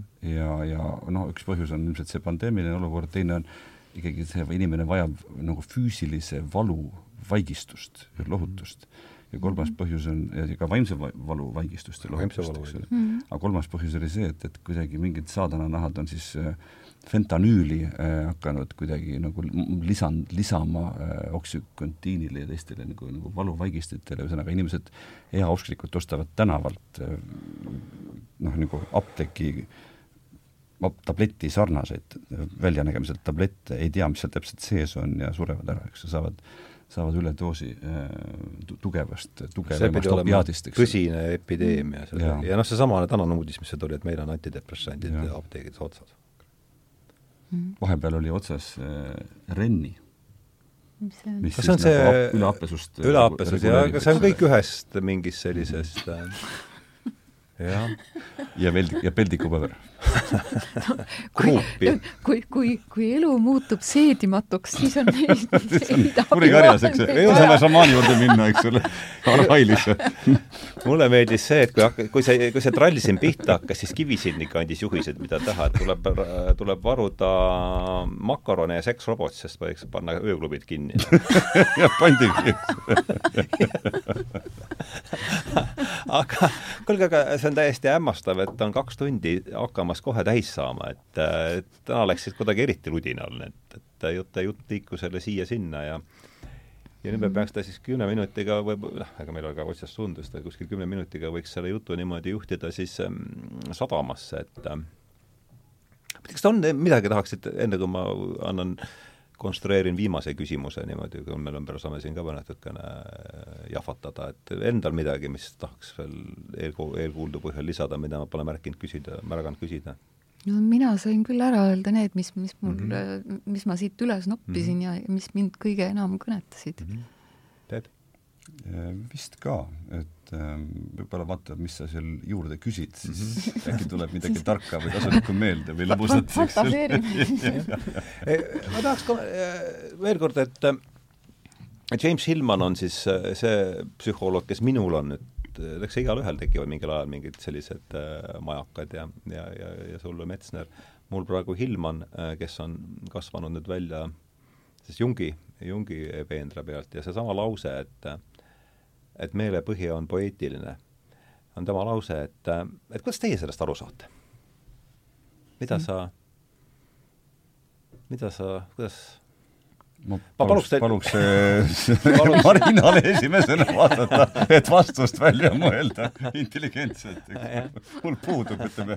aga va-, Harju Kekk võtab kirjaliku aga võta, võta sa siis esimesena, anname Peebule aega koguda mm. -hmm no punkt number üks, ma olen väga rõõmus selle üle, et, et sa selle Hillmani ette võtsid mm. -hmm. ma ise ka, väga huvitav tegelane. ja, ja, ja ma kuulasin neid äh, videolõike, kus mis me ise tegime seal Laudru pargis või no,? milliseid sa mõtled? Ei no see, mis, mis on seal Purki seltsi yeah, kodulehel yeah., neid lõike ja, ja kus Sheldrake räägib yeah, Hillmanist yeah, yeah, ja see, see playlist, mis me tegime tõesti. just mm, -hmm. jah. seal osad on meie enda tehtud, eks ole, ja siis osad ja, nii, vabandust.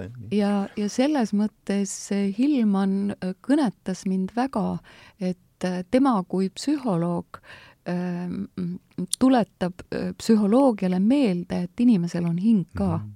Yeah et mina olen nüüd rohkem kui kakskümmend aastat olnud selle eest väljas, et eh, inimesed eh, tõesti teadlikult julgeksid öelda, et mul on hing mm. -hmm. sest psühholoogias tõepoolest see eh, hinge teema on ammu välja roogitud pole ju topelt pimedas katses ju avastatud. jah, ja, ja siit ja siit tulebki jälle jõuluvana ja siit tuleb jälle sisse see, see Hillmani teema, et eh, hing on ju poeetiline, et ja. seda ei ole võimalikki sel moel uurida, mis eh, praeguse aja teaduse kaanonitele üldse vastaksid mm. -hmm. nii et eh, hing ei ole uuritav nende vahenditega. jah, nende vahenditega. millega tegeleb füüsika sisuliselt, mis on see etalonteadus meie jaoks praegu? No vahetevahel äh, sellistel ähm, esinemistel, kus inimesed tulevad kokku, siis ma olen ju küsinud äh, saali käest, et inimesed, kas teil on hing mm? -hmm no kõik inimesed ütlevad kõik jaa. ja, ja. ja arglikult tõstetakse, pool, pool tõstab käe, eks ole, ja teine pool ei julge. äkki on konksumas küsimus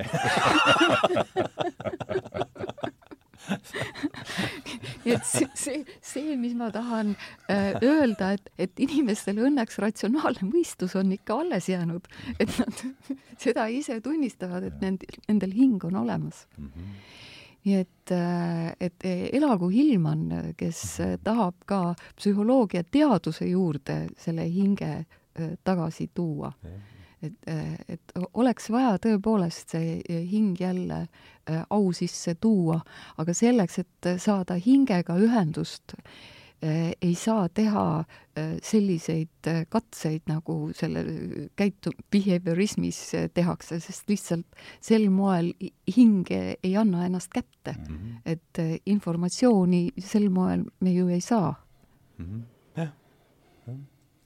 kas sa siis nüüd mõtlesid välja? mulle meenus see anekdoot üliõpilasest, kes kirbu ära õppis ja siis läks mis asi? kirbu ära õppis ja läks zooloogia eksamile ja siis ta ükskõik, ükskõik mis pileti tõmbas, siis ütles, et mammut on tore loom, aga, aga tal on kirbud ja sai oma kolme kätte iga nurga alt, eks ole. et, et ma mõtlesin nende sõna, sõna, selle sõnapaari peale mm, ratsionaalne ja mitteratsionaalne või siis mhm. ebaratsionaalne ja mitteratsionaalne. et noh, vaata poeesia, ma olen ise olnud suurem osa oma elust väga luulekauge inimene, viimased paar aastat on mul mm -hmm. üks film, mille nimi oli Patterson, kus bussijuht oli luuletaja. kas see on järsku Jarmusi film on Jarmusi film? ma ei ole kindel, aga Adam Driver mängib peaosa, eks ole. või võimalik, eks ole, niisugune hästi aeglane film ja, ja see, ja ma nagu mõtlesin, et ah sa kurat, et niimoodi saab ka luuletada, ma mäletan, sulle kunagi meeldis öelda, tsiteerida seda äh, Saalom, mis see kuulsuse narrid, ei see et võta, võta potist alla paberi. luuletaja, see oli sinu firma lause ju. see oli pi-, see on ju luuletaja. see oli Pisuõnnast. Pisuõnnast, jah. vana Vestman ja siis sa, sa, ja sa alati ütlesid seda, teate, et sellise veidi põlgliku niisuguse kõrvaltooni. no ma olin õppinud rahvamajandust. no vot, eks ole. mina kui õppinud ärimees, eks ole, ja ja siis koolitatud ka... rahvamajandusteadlane. ja mind see film niimoodi inspireeris, ma olen pärast seda kirjutanud neli või viis vabas vormis mm. luuletust. ära ütle. eks ole, ja siis see ja, ja siis ongi see, et, et see, mulle meenus, meeldis selle filmi vaatamise järgi see teadvus, et ah, kas sa kurat, et nii tohib ka või? et ei peagi kõik riivis olema, ei peagi kõik olema mingisuguse kindla meetodi järgi, sa ütled seda, mis sa tahad öelda sellises lühiformaadis, eks ole mm. -hmm. ja samal ajal jällegi küsimus on, et, et luule võib tunduda mitteratsioon-, noh, ebaratsionaalne, aga siinkohal ütleksin, et luule on ikkagi selgelt sel juhul, kui ta, kui ta ratsionaalne ei ole, siis ta on mitte ebaratsionaalne, vaid mitteratsionaalne mm. -hmm. ja selles, tagasi selle kirbu juurde, eks ole, et, et siis, et mis seal selle hingega pistmist on, eks, et, et see, kui sa ütled, et mentaalne tegevus, millest me siis äh, ei ürita tingimata nagu vabaks saada, vaid üritame seda, seda tahaistmele panna siis, kui on temale tahaistmele paneku aeg, eks ole mm -hmm.. kas või siis läbi meditatsiooni ja jooga mm. -hmm. et siis äh, mina saan sellest lausest praegu siis olles, aitäh, et te mulle aega andsite -hmm. aru niimoodi, et, et see, et see vundament on ikkagi selles poeetilises, selles hinge tasandis, eks ole, et, et meie selline eksistentsi nagu kese äh, ei paikne mõistuses ega ei paikne selles eh, persoonas või isiksuses, indi, indiviidis, eh, kes me tahame kangesti olla, vaid, vaid nendes nähtamatutes eh, taju, raskesti taju, raskemini tajutavates süvakihtides, kus siis see, see, isegi ma tahaks öelda nüüd eesti keeles mitte hing, vaid vaim, eks ole, pesitseb ja paikneb, eks ole -hmm. et, et, et see mm, -hmm. et sellele tugineb, on see, see pealisehitus, nagu mm -hmm. vanasti oli baas mm -hmm. ja pealisehitus, et, et see, see, see poeetiline hingemaailm on justkui baas, eks ole, ja siis see ratsionaalne mõistustegevus on pealisehitus. mina saan ka niimoodi, noh, eks me kõik kuidagi konvergeerusid või jõudsid ühte kohta kokku mm. -hmm. kuulge, aga väga vahva oli teiega lobiseda. Teiega ka et suur, suur äh, tänu, oli tore. hea, et see teoks sai lõpuks, et aitäh tulemast, Marina-Paula Ebert, aitäh, Peep Vain, aitäh, Kaie puldis ja tõmbame siis äh, tänaseks joone alla, et tõesti oli vahva ja niisugune hea jutuajamine. et äh, tänan teid veel kord ja, ja kõiki, täname kõiki neid, kes on üldse teinud sellise asja võimalikuks, nagu meil see jutusaade siin on. suur tänu ja nägemiseni! nägemist. aitäh, nägemist.